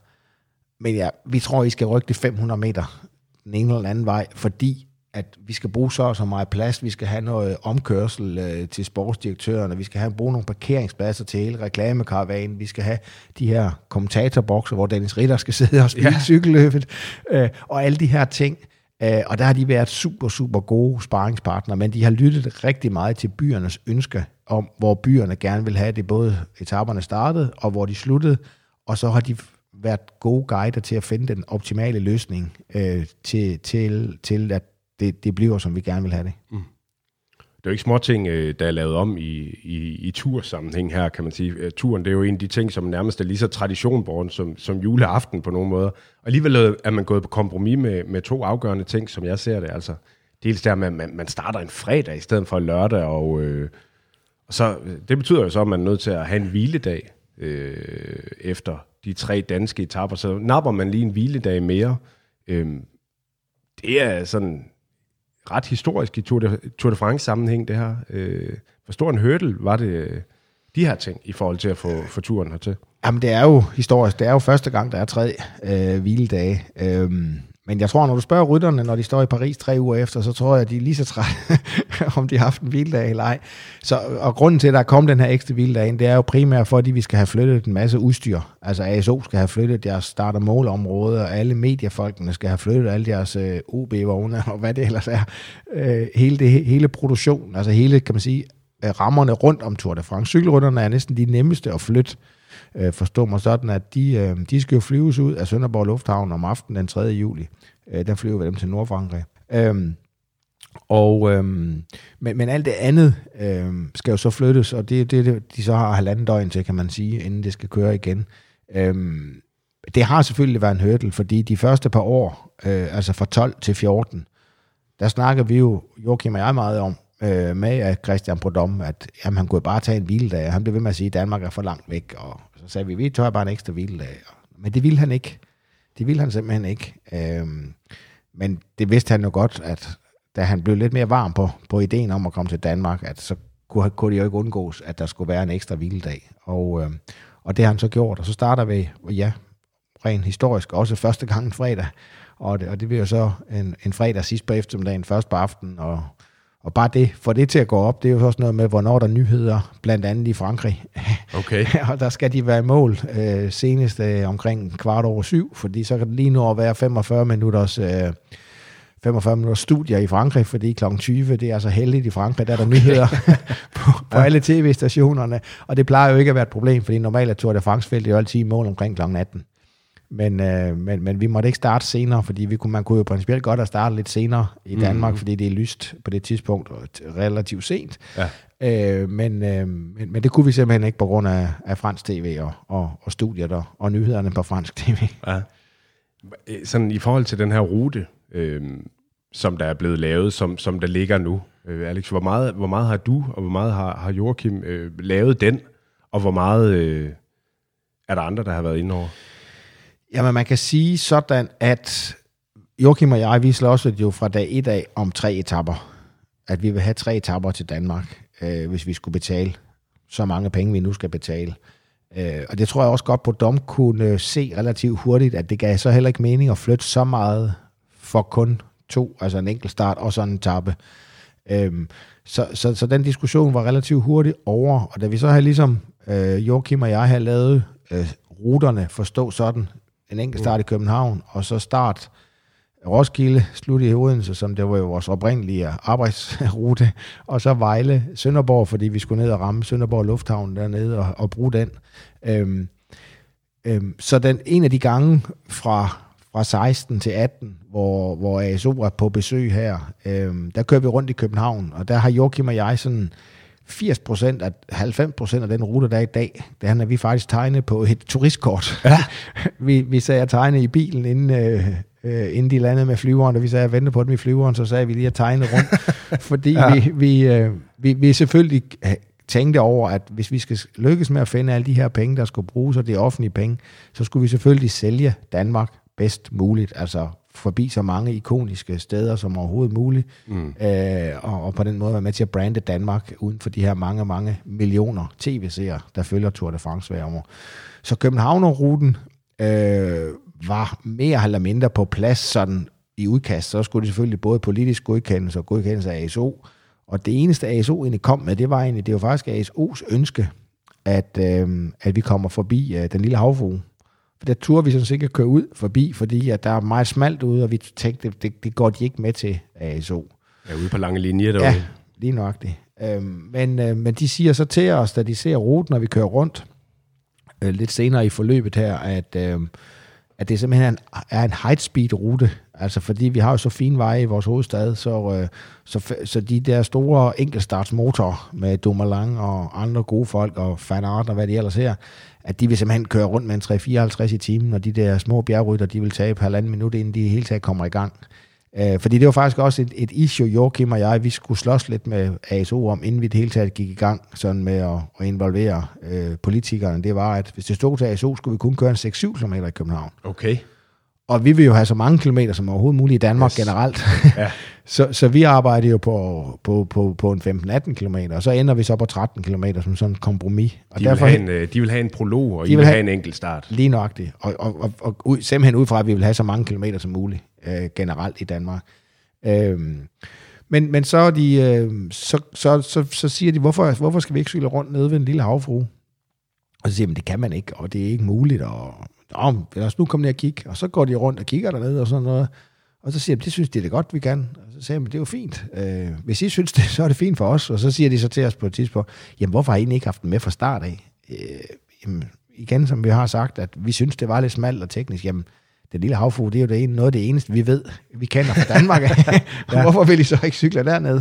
Øhm, så, øhm, mm. så, så, så derfor, den første rute lå sådan næsten på plads. Men da vi så skulle i gang, øh, da kontrakten var skrevet under, øh, så var jeg slet ikke i tvivl om, at jeg skulle ringe til Jesper Vore, som jo har været direktør for Post Nord Danmark rundt i 25 år, og har lavet øh, det cykelløb, øh, kender samtlige veje, G-stiger, jeg lige vil sige. ja, I Danmark. I Danmark, ja. ikke? Jo. Der er ikke nogen, der kender Danmark bedre, end han gør i hvert fald på, på, på hvordan man kan få et cykelfelt rundt. Og, øhm, og så, så snakker jeg med Jesper og sagde, Jesper, vi, vi, øhm, jeg vil gerne have dig med på holdet på at, øhm, at lave ruten, og så være ruteansvarlig for, for, for Grande Par.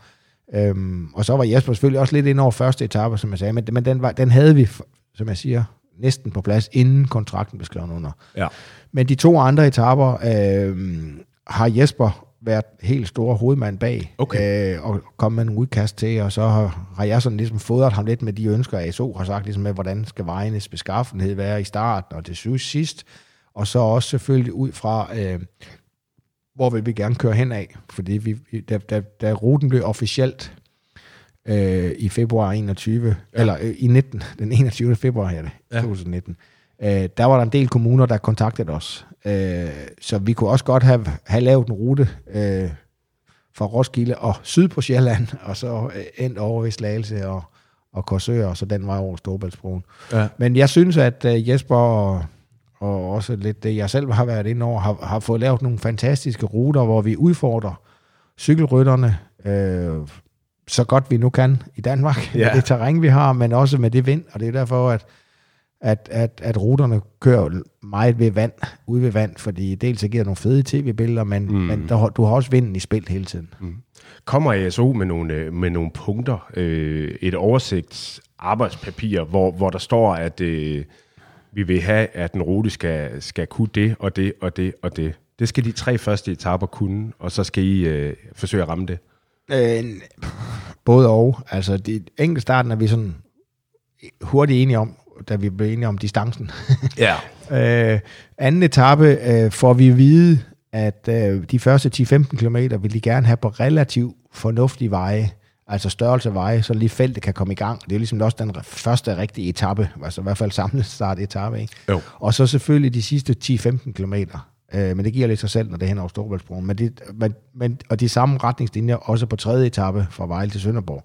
De vil ligesom gerne have, at man lige starter på nogle fornuftige veje. Men de, vi får også at vide, at anden etape må vi rigtig gerne udfordre øh, cykelfeltet. Og der må vi gerne komme op omkring 200 km. Mens tredje etape, den vil de gerne have noget kortere. Ja. Altså, de, de vil egentlig gerne have haft den på 170-175. Vi ender på 184. Øhm, og det er selvfølgelig fordi, at øh, der skal hele cykelfeltet flyve om aftenen, så de vil gerne lige have dem i mål en halv time, tre kvarter før end, end ellers. Ja. Øhm, så det er egentlig det, øh, det, Okay. er egentlig, det er egentlig de eneste simple krav, ønsker ja. de har til ruterne, og så går Jesper i gang med at, at, at tegne og fortælle og komme med nogle udkast til, hvordan vi kan cykle rundt på de her mm. primære anden og tredje etape. Altså det her med Storebæltsbroen, det, øh, det bliver jo fantastisk. Øh, Men Alex, når nu øh, ASO er så glad for broer på domme øh, og, og vand, hvorfor, hvorfor kører man så ikke på, på den gamle Lillebæltsbro eller på Vejle Fjordbroen? Jamen, øh, Vejle Fjordbroen øh, ville Vejle Kommune faktisk også rigtig gerne have haft med. Øh, men igen, øh, for at bruge Dennis' øh, ord og mine egne også, jeg tror ikke rigtigt, at vi alle sammen er helt klar over, hvor stort Tour de France er. Og hvis man skulle starte cykelløbet ned i Vejle by, og så op og køre hen over Vejle Fjordbroen og ned igen, og også gerne skulle til Jellingestenene, ja. og, og få det markedsført som UNESCO, og, ja. og, og, og, og, og hele den der sløjfe, hvor man kører jo 25 km, kommer tilbage til Vejle, er jo fantastisk smuk også, udover at der også er en god historie med Danmarks dåbsattest op i Jelling. Ja. Øhm, så siger ASO jo til os, at det er jo fint nok, hvis I vil det, men så kan jeg jo ingen tilskuere komme ned i byen, fordi så lukker jo alle indfaldsvejene i fire timer. Fordi så vil du jo, hvis du skulle op, fordi der, igen, der er et issue om, hvor mange kilometer vi må bruge. Så hvis du skulle til at lave for mange svingærner, øh, inden du helt taget bare begynder at køre mod Jelling, som vi gerne vil, og kommunen også gerne vil, øh, så skal du jo relativt direkte op ad Fredericia-vej, øh, som det her, ned Ja. fra Vejle by og op til motorvejen, hen over motorvejen, og så ned ad Horsensvej. Og det er jo de to helt store indfaldsveje til Vejle Midtby. Altså folk, der har kørt øh, i bil i, i det her område, de vil vide, at øh, man fuldstændig smadrer trafikken i, Fuldstændig, i ja. mange timer. Ja, altså Vejle, Vejle vil, vil fuldstændig blive afskåret, Ja. ja. øh, og, og, og der vil ikke kunne komme tilskuere ind og ud. Plus også, at, øhm, at rent sportsligt, øh, igen, vil det jo ikke rigtig give noget. Det vil give nogle fine tv-billeder og sådan noget, men, men øh, jeg synes, at, øh, Mm. at Jesper har fået lavet en fantastisk rute til, at, øh, at Vejle får det er absolut optimale ud af deres kilometer i, i kommunen. Og så er starten jo på Vejle. Den er jo nede på Vejle Havn, så du har jo broen bagved dig. Så når alle rytterne skal skrive under, når Jonas Vingård skal ind og skrive under på starten på tredje etape, så vil tv-billederne jo være oppe på broen og ud over fjorden. Så, Mm. Så vi har tænkt broen ind. Ja, ja, og lille, lille, Lillebæltsbroen, jamen det er jo svært, når vi, øh, når vi starter i Vejle og skal slutte i Sønderborg. Så skal vi i hvert fald være over den ene bro, og så den anden bro, og så, og så, så ja. er der igen lidt, lidt med kilometerne. Øh, Ja. Vi ikke har så mange kilometer til rådighed. Og den gamle Lillebæltsbro, den er i, øh, i en øh, lidt tvivlsom øh, hvad hedder det, tilstand nogle gange. Ja, Øh, ja må ikke, vi kunne have cyklet på den, men, Åh, øh, men, men det er ikke- igen et spørgsmål, som jeg sagde, med kilometer. Ja. Øh, fordi hvis vi bare lige sådan lige skal lukke den af med det, så er hvis man tager sådan direkte Vejle-Sønderborg, så er der cirka 130 km, hvis man bare kører direkte. Så er der ikke så meget at lege med. Så er der ikke så meget at lege med, og, og det er altså direkte på, på halvkedelige hovedvej, som vi jo selvfølgelig kommer på, men, men, men, men det var også en af de ting, jeg sagde til Jesper, vi skal jo gøre alt, hvad vi kan for at, at, at komme ud og, og køre øh, på nogle lidt mere kringlede og snodede veje, end, end bare nogle kedelige hovedveje, fordi jeg tror også bagerstoppens lyttere, de har set Spanien rundt en gang imellem, og der er jo også nogle, nogle etaper ude, hvor, hvor der bare er fire timer, hvor der bare kører direkte ud På igennem en Pam- Ja, ja. På, på, gennem Pambassen, ja. hvor det bare ser ødet ud. Og det vil vi jo helst ikke have, de danske etaper skulle være sådan. Hvorfor Sønderborg? Hvorfor ikke Billund? Kunne man ikke flyve fra Billund og så øh, lave noget mere op i Midtjylland. Og, øh, Jo, det, det kunne man godt. Øh, det hænger sammen med, at øh, så skal vi spole tiden tilbage igen til 2013-14 stykker, hvor vi er dialog med, med Christian Podom, hvor han, hvor han snakker om det der med, at jeg vil starte i København med at være i bunden af alberne ugen efter, Ja. uden, uden en hviledag. Og så var det Joachim og jeg, vi sådan ligesom tænkte, jamen så skulle vi jo finde den lufthavn, der var sydligst, altså tættest på den tyske, dansk-tyske grænse, for at, at alt det udstyr, der skulle flyttes, Ja. de kunne. Og så kan man sige, Billund, ja, men øh, med lastbiler, der er der jo halvanden time i hvert fald, Ja. øh, hvis ikke måske lidt mere, hvis der er lidt trafik bare til den tyske. Så, altså, så er vi allerede halvanden time bagefter i, i den øh, ligning der. Øhm, og det var egentlig derfor, vi, vi, vi tænkte Sønderborg helt tilbage fra, fra da vi startede. Og så synes vi jo også en ren øh, branding, historisk med, med ikke? Altså, der har vi jo Dybe Mølle og Ja, pokker. Banke og, Ja. og hele den, den historie af 1864. Ja. Øh, men også Gråsten Slot og, øh, og, og hele Sønderborg by, og, og, og vi kører også forbi Sønderborg Slot for, for eksempel. ja, ikke? Men det er så smukt øh, dernede også. Øh. det er et fantastisk sted. Ja. Øhm, så derfor synes vi egentlig, at, øhm, at det gav god mening. Så, så vi arbejdede, øh, men det var, eller jeg skulle vil skynde mig at sige, det var ud fra, at vi var, vi var bange for at øh, udfordre øh, ASO for mig på logistikken, for vi har jo hørt, at de der, der har prøvet før, både i 90'erne, men også i, i 0'erne, for at få turen til Danmark, altså det der, hvor de var blevet vælget af brættet, var jo hele tiden logistikken. Ja. Og derfor tænkte vi bare, at vi skal så tæt, vi skal simpelthen have, have, have hvad her det, øh, have, have starten så tæt på den tyske grænse, dansk-tyske grænse som overhovedet. En overgang i Joachim som mit hoved, øh, det er der ikke så mange, der ved, men, øh, men der, der snakker vi faktisk, øh, overvejede vi faktisk om, øh, om man skulle slutte i Hamburg. Ja. Om vi skulle have tyskerne med i stedet for. Ja. Øh, Det er godt, vi ikke har det. Ja, det er det. Det føles sikkert. godt den dag i dag. Helt sikkert, og, og det er lige så meget Frank Jensens, øh, overborgmesteren øh, fra Okay. København dengang, til skyld, fordi det var ham, der ligesom var med til at sige, at det her det skulle være en Danmarks begivenhed. Mm. Øh, men det var jo fordi, at øh, på det tidspunkt, i de år, hvor, her, hvor, vi, hvor, hvor vi begynder at involvere politikerne, der er der jo en afstemning i Hamburg, om de skal bruge, jeg ved ikke hvor mange, mange milliarder på at blive en del af OL-budet i 24 eller 28 eller sådan et eller andet. Og det stemmer alle indbyggerne jo i Hamburg nej til. Ja, okay. Så bystyret dernede, de skulle ikke til at bruge mange, mange milliarder øh, på at lave OL-stadion og sådan noget. Og så tænkte Joachim og jeg, men det kunne jo godt være, at man kunne finde en enkelt, euro, en enkelt million euro eller mere, og så, øh, og så for eksempel være startet i Haderslev eller, øh, eller, øh, eller Åben Rå, og så cykle ned til, øh, til Hamburg, og så bruge den lufthavn. Ja. Øh, men den, den var på tegnebræt, og den aldrig, det er første gang, jeg fortæller om den. Ja, det er godt. Det er godt, vi lader den ligge nede i, Ja. øh, i skraldespanden. Det er tre danske etaper. Det, Det er, er er det. så godt. Det er det. Vi skal høre lidt mere fra øh, Dennis Ritter lige straks, Alex. Øh, vi skal høre, hvad Dennis' vurdering af de forskellige etaper er. Men øh, når du sådan sidder i dag her, i, i starten af 2022, øh, og, og skal prøve at give karakter fra 1 til 10, hvor tilfreds er du med, med den her rute, vi er endt ud med? Nå, men jeg, jeg er, øh, og det er ikke bare noget, jeg siger, fordi at, øh, jeg selv har haft en finger med i spillet på det, fordi som sagt, så, så størstedelen af anden og tredje etape, det er Jesper Vores fortjeneste. Øh, jeg synes, at det er tre fantastiske etapper, øh, vi har fået. Øh, altså i København kommer vi jo forbi næsten alle de seværdigheder og ikoniske steder, øh, man kan komme. Altså vi cykler jo hen over Dronning Louises bro, som er en af de mest befærdede øh, broer i øh, nærmest Nordeuropa med cyklister hver eneste dag. Øh, vi cykler hen over øh, hvad hedder det, Amalienborg Slotsplads. Vi er forbi øh, Kongelige Teater og Marmorkirken.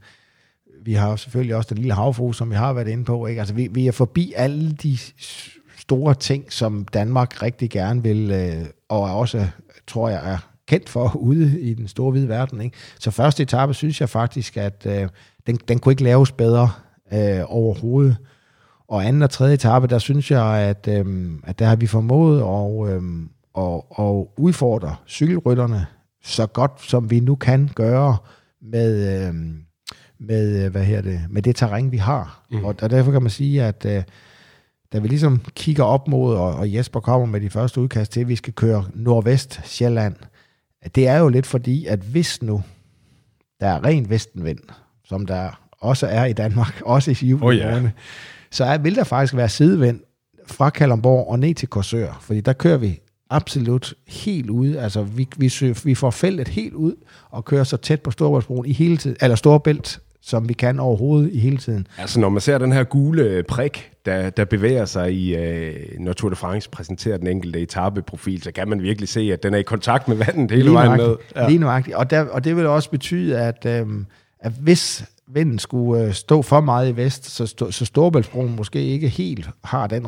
vindretning, som vi gerne vil have, øh, eller der er den vindretning på Storebæltsbroen, som vi gerne vil have den dag, så er, er feltet altså vildt udfordret øh, de sidste 40 km, inden de rammer broen. Og, øh, og der kan man så sige fra Kalundborg, og så de sidste, og hvis du så går yderligere 50 km tilbage på etappen, det er jo der, hvor vi kører rundt op i, øh, i Nordvestjylland og har de her tre bjergspurter, hvor vi kører, er jeg overbevist om, på nogle af de smalleste veje, Tour de france har kørt på i mange år, i hvert fald i så mange kilometer i træk.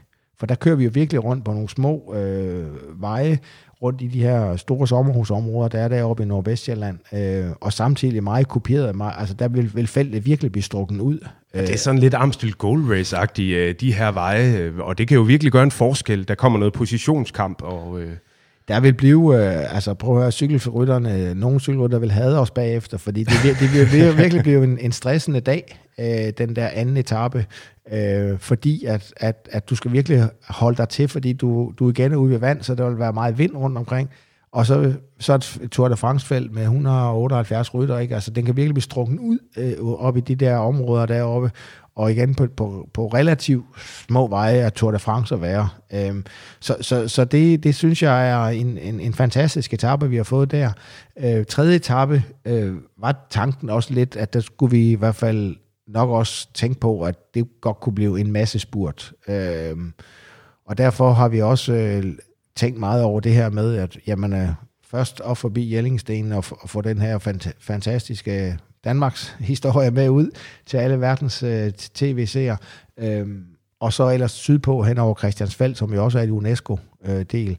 og så ellers holde os ude igen. Det er jo også noget lille bælt, vi holder os øh, tæt på, næsten hele vejen ned til, øh, ja. til Åben Rå, hvor vi så kører over mod, mod og rammer Gråsten Slot derovre, eller ikke rammer, men kører forbi Gråsten Slot, ja. og så den vej ind øh, over Dybel Mølle. Øh, og, øh, og den, den synes jeg er super god, og den tror jeg virkelig bliver spektakulært også. Øh, fordi det, det, den, den er sådan, vist, altså nu kan, nu kan anden etape jo altså også godt blive en masse spurt, det kommer meget vand på mm. vinden, og, men, men, men, men den der, altså der vil sprinterne ikke, altså det, de har jo kun x antal etapper på sådan en Tour de France, så den ligger lidt til, at hvis det ikke bliver en spurt på anden, så bliver det i hvert fald på tredje etape. Mm. Øh, og der vil jo der tror jeg jo, at der vil feltet jo komme bravende med 70-80 km i timen ned igennem Sønderborg by hen over Christian den 10. bro. Fordi 9 ud af 10 dage, der er der jo altså vestenvind, og der fra Gråsten og ind, der, der har vi også set, når der nogle gange har været Danmark rundt cykelløbet, altså der kører feltet sindssygt stærkt ind over der. Så der tror jeg virkelig, ja. det bliver, der bliver smæk på. Men, vi skal have politiet ud og blitse nogle af dem der. øh. ja. Men når alt det der ja. så er sagt, så vil jeg også øh, godt sige, at jeg ved, at jeg, ja, jeg, det ved jeg ikke, men vi får skæld ud over, at nogle af cykelrytterne, over ruterne, og at de er farlige, fordi de vælter. Og det er jo det, vi så også her i uh, Tour de France i sommer. Men det er jo det, der sker i Tour de France den første uge, for man skal huske på, at de her cykelrytter, det er jo ligesom, når køerne bliver lukket ud på græs i foråret. Sådan er Tour de France også, og jeg tror, jeg nævnte det her i, i starten af programmet. Altså, 70 procent af cykelholdets eksponering, branding, det henter de i forbindelse med Tour de France. Cykelrytternes resultater, hvis de vinder en etape eller bliver noget klassementet, det er med til at, at sætte deres værdi på de næste kontrakter. Så det er så vand, altså Tour de France er så vigtigt et cykelløb for både holdmanagerne, men også for cykelrytterne.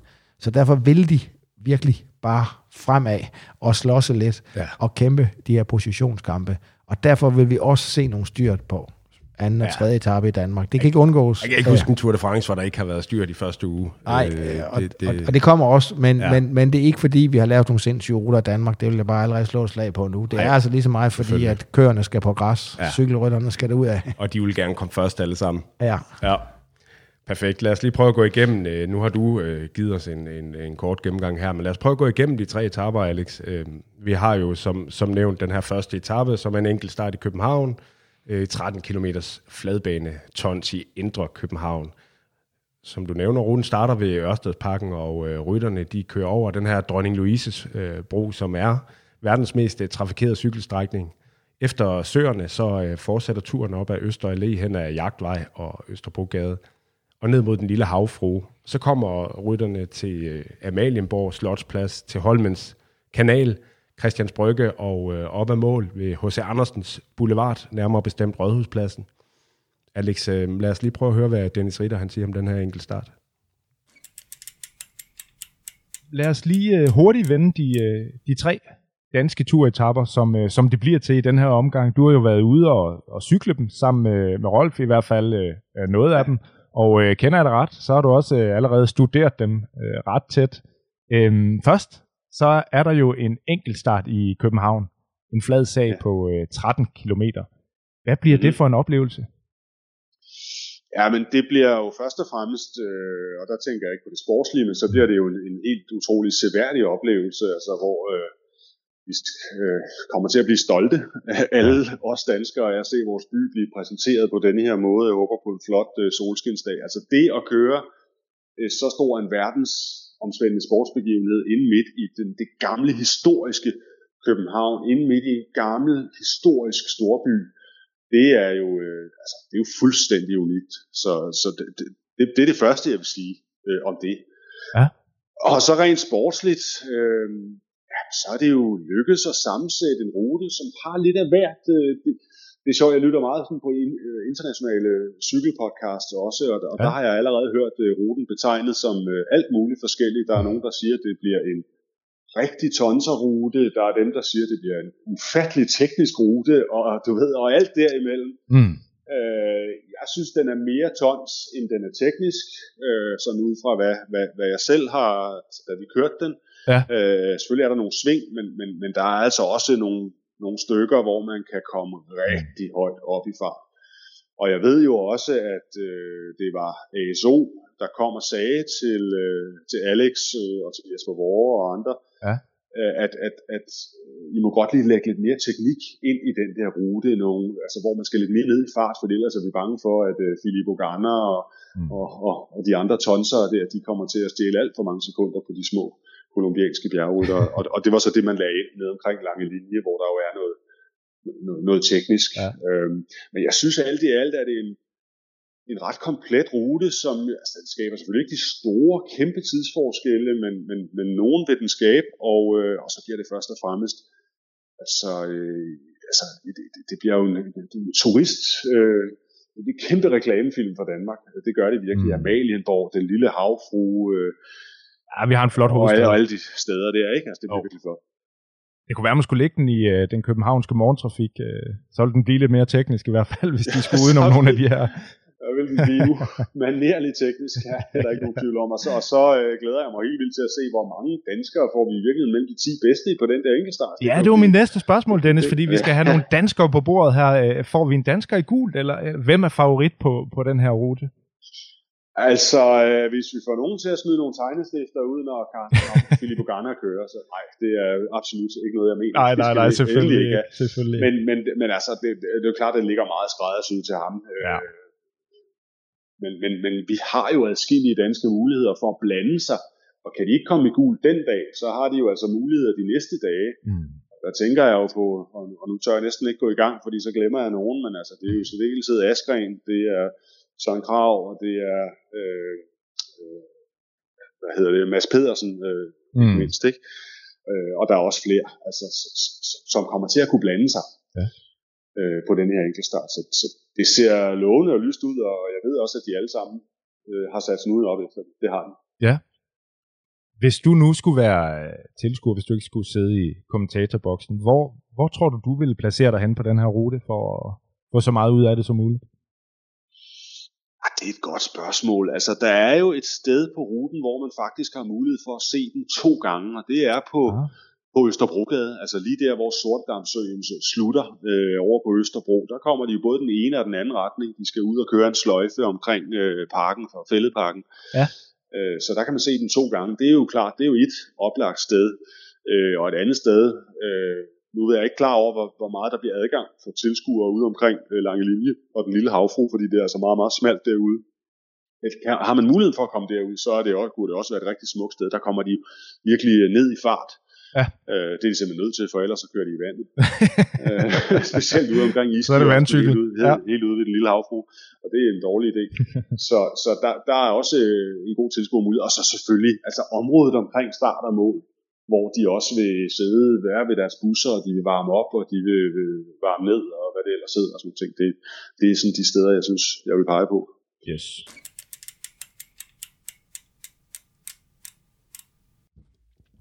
Det var øh, Dennis ord. Øhm, hvad tror du, den her enkeltstart bliver for en oplevelse? Jamen, øh, ja, jeg, jeg er meget enig i, i alt det, Dennis han siger vedrørende øh, første etape.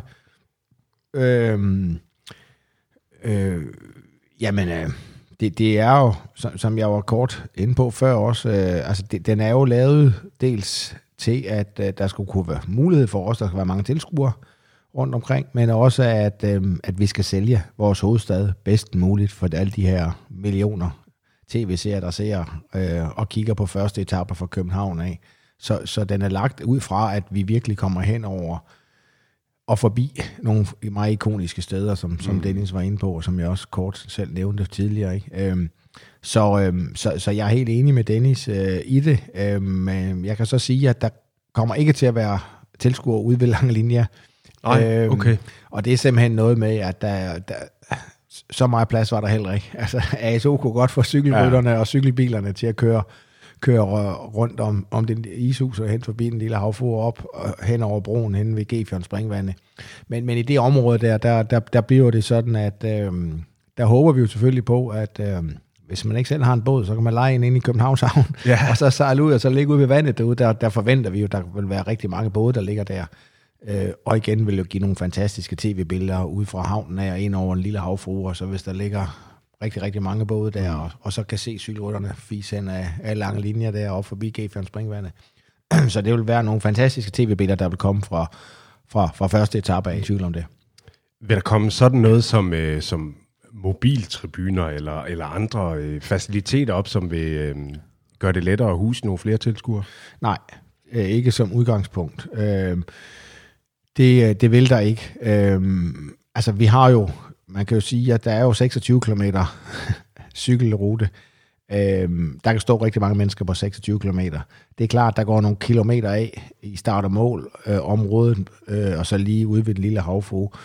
Men når alt det er sagt, så er der måske 22 km, der kan, der kan stå tilskuer på, og, øh, og øh, du kan godt stå i en, en to-tre rækker. Så, så der er plads til alle, så de skal endelig ikke blive hjemme. Og jeg ved også, at, at blandt andet ude i Fælleparken, der vil Københavns Kommune jo lave en, en kæmpe øh, område, øh, Festivalo, øh, som, øh, som, som, hvor der både er storskærms, øh, øh, hvor du kan se følge cykelløb på storskærm, men med, men med aktiviteter, øh, både fredag og lørdag, øh, altså 1. og 2. juli, øh, som igen vil være med til at, at være et godt sted at være, fordi at øh, også hvis du har familie og børn med og sådan noget, ikke, så kan børnene blive aktiveret lidt. Der, der, der, der vil ske en masse, masse ting øh, øh, derude i, i to hele dage, øh, og der kommer cykelrytterne jo også øh, susende mm. op forbi øh, øh, parken der. Ja. Øh, så det kunne også være et godt sted at stille sig hen. Øh, og derudover ved jeg også, at Københavns Kommune arbejder på at stille andre store skærme øh, andre steder hen, blandt andet nede ved, øh, tror jeg, at der bliver nogle store skærme nede ved øh, den sorte diamant øh, bloks dernede i det område dernede. Øh, så så der, der, der vil være mange steder, hvor, hvor du vil få en fantastisk oplevelse som tilskuer. Så jeg er ikke så bange for, at, øh, at man ikke vil kunne se noget, øh, lige meget hvor man er henne. Nej, så kan man sige, øh, det ligger jo midt inde i København, og derfor så øh, vil man også kunne... Øh, der vil være mange lejligheder, der er fyldt op med mennesker sikkert, og, og virksomheder osv., øh, hvor man også kan, kan kigge med. Jamen, jeg håber da selvfølgelig, at dem, der bor langs ruten, de, øh, de inviterer familie og venner til, til grillfest, øh, og, og så kan de grille på terrassen om bagved, og så kigge ud, af, ud i den anden vej i lejligheden, og så kigge ned på cykelruten. Øhm, altså sådan som Brigade, hvor vi, hvor vi kører mod, mod trafikken der fra, fra Marmorkirken og hen, til, øh, hen forbi Nyhavn og den kongelige teater. Ikke? Altså, det, det, det, der kan jo være skabt en fantastisk stemning derhen af, fordi der er jo trods alt, jeg ved også, der er nogle hoteller og museer derhen af, men der er også nogen, der bor i nogle lejligheder der her. Ja. Så, så, så det, øh, og det, og det er der mange steder, også ude på Østerbro, øh, der er også mange steder, hvor, hvor folk bare kan åbne vinduet og kigge ud. Så, øh, ja. så vi, øh, vi, vi, vi, er, vi, vi er meget fortrøstningsfulde på, at det bliver en, en fantastisk dag øh, 1. juli i København med, med mange, mange 100.000 tilskuere. Hvem vinder den dag?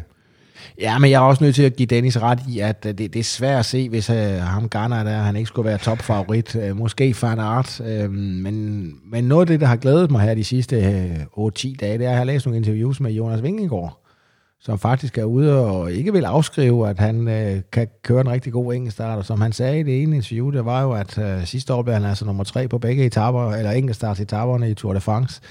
Så han har ikke afskrevet, at... Uh, at, at, at lave en, en fantastisk øh, præstation på, på første etape i København, og øh, så han vil jeg også begynde at nævne, og ikke kun Kasper Askren, Søren Krav og Mads Pedersen, men, men det, det er jo fedt, at, at Jonas øh, Vingegaard også øh, tror så meget på det, øhm, og det har han selvfølgelig også noget at have i det, så jeg kan godt forstå det, det er ikke det, men, men den, man, jeg tror, man skal stå tidligt op, ved, og hvis, hvis Garner han ikke skal løbe med den mm. førertrøje øh, efter første etape, den, den er den er næsten, øh, altså ruten, som jeg også sagde før, ikke? Altså, den er meget sådan øh, høj, øh, high-speed rute, altså der er jo mange, mange steder, når du skal dreje, du nærmest skal træde rundt i svingene, fordi vejen er så bred i København, så det bliver sådan nogle runde, bløde kurver, der kommer ja. øh, rundt på ruten. Så der er selvfølgelig ude ved lange linjer og et par andre steder, hvor du lige skal slippe trøjet lidt, men, men, men langt hen ad vejen, og så kan han jo køre sådan nogle kæmpe vattal der, så, øh, så, så, så han må være, være topfavoritten. Ja, Okay, fair nok. Godt. Jeg synes ikke, vi skal gøre så meget ud øh, af den her mere. Vi har øh, sat mange ord på den, øh, Alex, du har. Lad os i stedet for hoppe videre til, til anden etape, hvor vi jo tager fra København til Roskilde, og øh, hvor starten går. Øh, og så fra, turen, fra Roskilde, der går turen mod øh, nordvest. Først Holbæk, og flotte views ud over Holbæk Fjord, og så passeres Lammefjord helt op til Grevinge, Asnes og Vedinge. Her øh, knækker ruten lidt mod øh, sydvest og Kalumborg, hvor det går øh, stik mod syd, og Storebæltsbroen. Øh, og den skal som bekendt krydses, inden målstregen den venter i øh, Nyborg.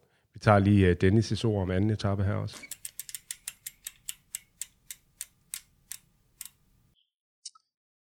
Dennis, øh, lad os kigge lidt på anden etape, som, øh, som starter i Roskilde og slutter i Nyborg en helt øh, særlig sag, øh, selv i Tour de France sammenhæng. Øhm, når du sådan lukker øjnene og kigger frem mod den her etape, hvad, hvad ser du så for dig? Jamen, når jeg lukker øjnene og kigger frem mod den etape, så ser jeg øh, nok øh, den, den etape, jeg har størst forventninger til af de mm. tre øh, i Danmark. Det vil jeg helt klart sige. Altså, de skal ud og køre i, i de vestsjællandske Ardenner, øh, ja. omkring øh, det, der så hedder Kut de Høbestræde og øh, Kut de Asnes Indlukke og sådan nogle ting. Et virkelig smukt område ude i det vestsjællandske, hvor der også er ganske kuperet. Det er jo ikke fordi, det er stigninger, som, øh, som, som, som de her øh, ryttere på det her niveau vil, vil kunne mærke noget særligt til i benene, men, mm. men alligevel nogle stigninger, som, som måske kan, kan bruges i, i en eller anden form for offensivt cykeløb. Det jeg synes, øh, også kendetegner den her etape meget, det er, og det var noget Rolf og jeg, vi var nervøse for, da vi skulle ud og cykle dem ja. øh, for et år siden, det var det her med, hvad, hvad er det for nogle veje, man sender dem ud på? Altså er det, er det forholdsvis som store, brede veje, mm. øh, eller er det øh, småveje, hvor der er mulighed for at komme væk, hvor der er mulighed for at gemme sig og, og lave noget offensivt cykelløb, og, og, og det er det sidste. Altså, det blev okay. vi bekræftet i, og det blev vi meget lettet over. Ja. Altså, Øh, Udover sådan lige de første kilometer ud af Roskilde og sådan nogle ting, så kommer man altså ud i, øh, i småvejsterræn og små byer og sving og øh, småkuperet og sådan nogle ting. Så, så det, der er ikke noget vej med terrænet og rutelægningen. Det, der er forudsætningerne for at skabe et rigtig fint cykelløb. Og så har man altså taget de her stigninger med, hvor der også bliver ufatteligt smukt, øh, smukke kig ud over Sejrøbugten og sådan noget i Vestjylland. Ja, det er noget, du Som, kender, øh, Dennis, fordi øh, jeg har jo besøgt dig i dit sommerhus, øh, hvor vi lavede podcast på et tidspunkt, og, øh, ja, præcis. og der havde du cyklet op, så, øh, ja. og du har fået krampe lige inden jeg kom, så det er jo ikke fordi, det, det er ingenting. Der er der lidt, øh, lidt op og ned også. Ja, ja der var også et dårligt form. Ej, men det er rigtigt. Jeg, jeg gør en dyd ud af faktisk, når jeg cykler op i mit sommerhus, og altid lægge vejen ind af, af selve rute, altså ruten på den der ja. uh, etape fra Roskilde og så op, så er jeg så nødt til at køre fra et sted, men, uh, men jeg kører på ruten, altså helt bevidst, fordi ja. jeg skal rigtig have den, have den ind i fødderne. Ikke? Jo. Det, uh, det er en fornøjelse hver gang at tænke på, at her kommer Tadej Pogacar og Mm. Jonas Vingegaard og Primoz Roglic og sådan nogen til at køre. Ja, fordi man kan sige, nu kan man jo ikke selv lave øh, recon på, på Storebæltsbroen, hvor den her etape jo øh, slutter. Øh, eller slutter i Nyborg, men, øh, men den sidste det har jeg del, faktisk forhåbning om at gøre på et tidspunkt. Ja. Men uh, det skal jeg lige have snakket med Alex om. Ja, der er, jo, øh, der er jo for eksempel også et motionsløb, øh, som Ja, ja, der er nogen, der er har været heldige at få, få billet til. Øhm, men, men hvor ellers vil du hoppe på, øh, på cyklen? Er det heroppe, hvis du skulle give det råd videre til, øh, til folk, der sidder og lytter med, øh, der skal op og prøve? Øhm, skal man op og have de, de her udsigter ud over vandet? Ja, det vil jeg nok sige, øh, at man skal. Jeg synes, det er udover store, selve Storebæltsbroen nok det mest interessante øh, område på den etape, men man skal så ikke undervurdere, at de jo så sidenhen efter Kalundborg øh, og pointspurten der skal ned og køre, altså bogstaveligt talt nærmest i vandkanten Ja. i, langs den vestsjællandske kyst. Og, og man kan sige, mange dage i Danmark, der blæser vinden jo fra vest, og, og gør den også det den dag, så, så kan vi altså få det allermest interessante cykelløb på etappen på det stykke. Altså før de når ned til Storebæltsbroen, hvor de kører hele vejen ned langs den vestsjællandske kyst. Der er vidderlige steder, hvor vi er, altså, man er nærmest få meter fra, fra der, hvor, hvor, hvor vandet øh, skulper ind. Fantastisk. Øh, så, så det er meget åbent. Øh, og det kan, blive, det kan blive rigtig interessant. Og, det, og det, jo mere de nærmer sig Storebælt, øh, jo, jo, jo mere vil nervøsiteten stige Ja. hos rytterne. Øh, og de vil, det vil være hektisk og, og sådan nogle ting. Og, altså, jeg, jeg- tror faktisk virkelig meget på, at vi kan få godt cykelløb på den etape. Og, og jeg synes ikke, det er bare sådan lidt jubeloptimisme, fordi det er Danmark og sådan noget. Det er også lidt baseret på den måde, de kører cykelløb på i øjeblikket. Sidste par sæsoner synes jeg, vi har set så virkelig sådan en cykelløb, ikke? Altså offensivt og langt udefra og sådan nogle ting. Ja. Ikke så meget det der revisor øh, beregnende cykelløb, som, som man måske så i nogle år. Så derfor så tror jeg meget på at den her etape her, den kan, den kan blive seværdig. Okay, det håber vi. Altså, vi kan sige, vi kender jo ikke vejrudsigten endnu, om vinden kommer fra, øh, fra vest eller, eller fra nord, øh, eller hvor den nu kommer fra, men, men øh, det kan jo være ret afgørende. Tror du, det er en etape, som, som kommer til at passe godt til de danske ryttere, den her? Ja, det gør den, hvis, der bliver, øh, hvis det blæser sidevind fra vest, øh, ned langs Vestjyllands kyst der, så skal vi se øh, Askren og Quickstep-drengene, og vi skal se Mads Pedersen og, og Trek Segafredo-drengene, så er de på stikkerne. Det tror jeg godt, jeg tør at love. Fordi det, det er de fuldt ud forberedt på. Jeg får helt kan kuldegysninger, bare du fortæller om det, Dennis. Det bliver, det bliver Ja, så men fedt. det, og det kan, du, øh, det kan du roligt få. Altså, Ja. hvis, jeg, jeg vil jo betegne den, den etape, jeg har det jo sådan, det kan blive den vildeste fest, eller den største fuser. Mm. Den vildeste fest, hvis vi får det cykelløb, og det værd, vi håber på, den største fuser, og det tør jeg næsten ikke engang nævne, men det er jo, hvis det nu blæser så meget, Ja. at de er nødt til at aflyse Åh. Storebælt. Og jeg, jeg, jeg, jeg tog ikke sige det, nu sagde jeg det alligevel, glem det igen, fordi det skal vi slet ikke spekulere på. Det, det gider vi ikke. Nej. Han at gøre, altså. De skal over den Storebælt. Hvor meget tror du, det skal blæse for, at, at man træffer den beslutning? Det svinger jo lidt derude, ja. Det, det skal jo blæse en del, ikke? Men mm. altså, det, det, er, det, er jo, altså det, det er jo ikke helt ufarligt, hvis det blæser voldsomt øh, og køre på cykel sådan helt eksponeret derop. Det, det, det, det tror jeg også. Det tror jeg, rytternes organisation og UCI vil, vil skulle have sig en snak om i så fald. Men lad os nu håbe, at vi ikke kommer dertil. Ja. Vi vil gerne have vind, og bare ikke alt for meget. Godt. Det er et fromt ønske. Øh, ja. Hvor vil du stå og juble, øh, når rytterne de suser forbi Dennis, hvis øh, du havde mulighed for det? Jeg tror, jeg vil stå på øh, Kurt øh, Kårup Strandbakke. Ja. Eller en af de andre tre stigninger. Ja. øh, hvor der jo er bjergspurter. Altså, det, det, det, er jo ikke bare øh, for sjov, de kører det. Der er jo rent faktisk også bjergpoint, når vi skal have uddelt øh, løbets første bjergtrøje. Så, så det, det, der kommer man til at se noget, der også hvad skal man sige, har, virkelig har en indflydelse i løbet, ja. hvis man står på en af de stigninger der. Ja. Så der, der tror jeg, jeg vil stille mig. Alex, øh, det kan, det kan jo blive en helt legendarisk etape, det her. Eller en fuser. Er du enig i den betragtning? ikke at det kan blive, det bliver en legendarisk etape. Og, og ikke en og, fuser. og, i min verden arbejder jeg ikke med, at man ikke cykler hen over Storebæltsbroen. Øh, men Dennis har selvfølgelig ret i, at øh, det, det kan jo ske. Øh, jeg vil sige sådan, at hvis vi kigger på vejret i Danmark øh, i første weekend i juli, altså, så skal det være, fordi der er, er nogle tordenbyer, altså voldsomt tordenvejr, hvor det kan give sådan nogle kastevinde. Øh, ellers så kan jeg altså ikke mindes, at øh, det skulle blæse så meget, at man ikke kunne cykle hen over Storebæltsbroen. Øh, så det, det er jeg nu meget, meget, meget tryg ved, øh, at, øh, at, at det bliver ikke en fuser, men det bliver en legendarisk etape.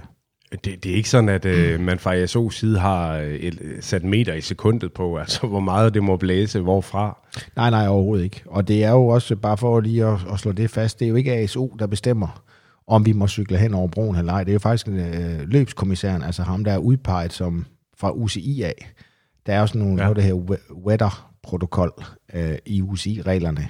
Og, øh, og det, er, det, er den, det er den, kan man sige, paragraf, der vil træde i kraft, hvis, hvis og så frem, øh, at, at, at løbet skal stoppes på et eller andet tidspunkt, eller et cykelløb generelt skal stoppes på grund af vejret, så, så er det ud fra de retningslinjer der. Men der står ikke noget med, med x sekundmeter, eller, Nej. eller hvor meget nedbør, eller whatever. Ikke? Men, men, men der er sådan en, en protokol, og så det der står lige så meget i, hvordan tager man så tiden til, hvordan stopper man cykelløbet, og hvad gør man så, og er det neutraliseret, eller ja. bliver det helt stoppet den dag, eller whatever. Ikke?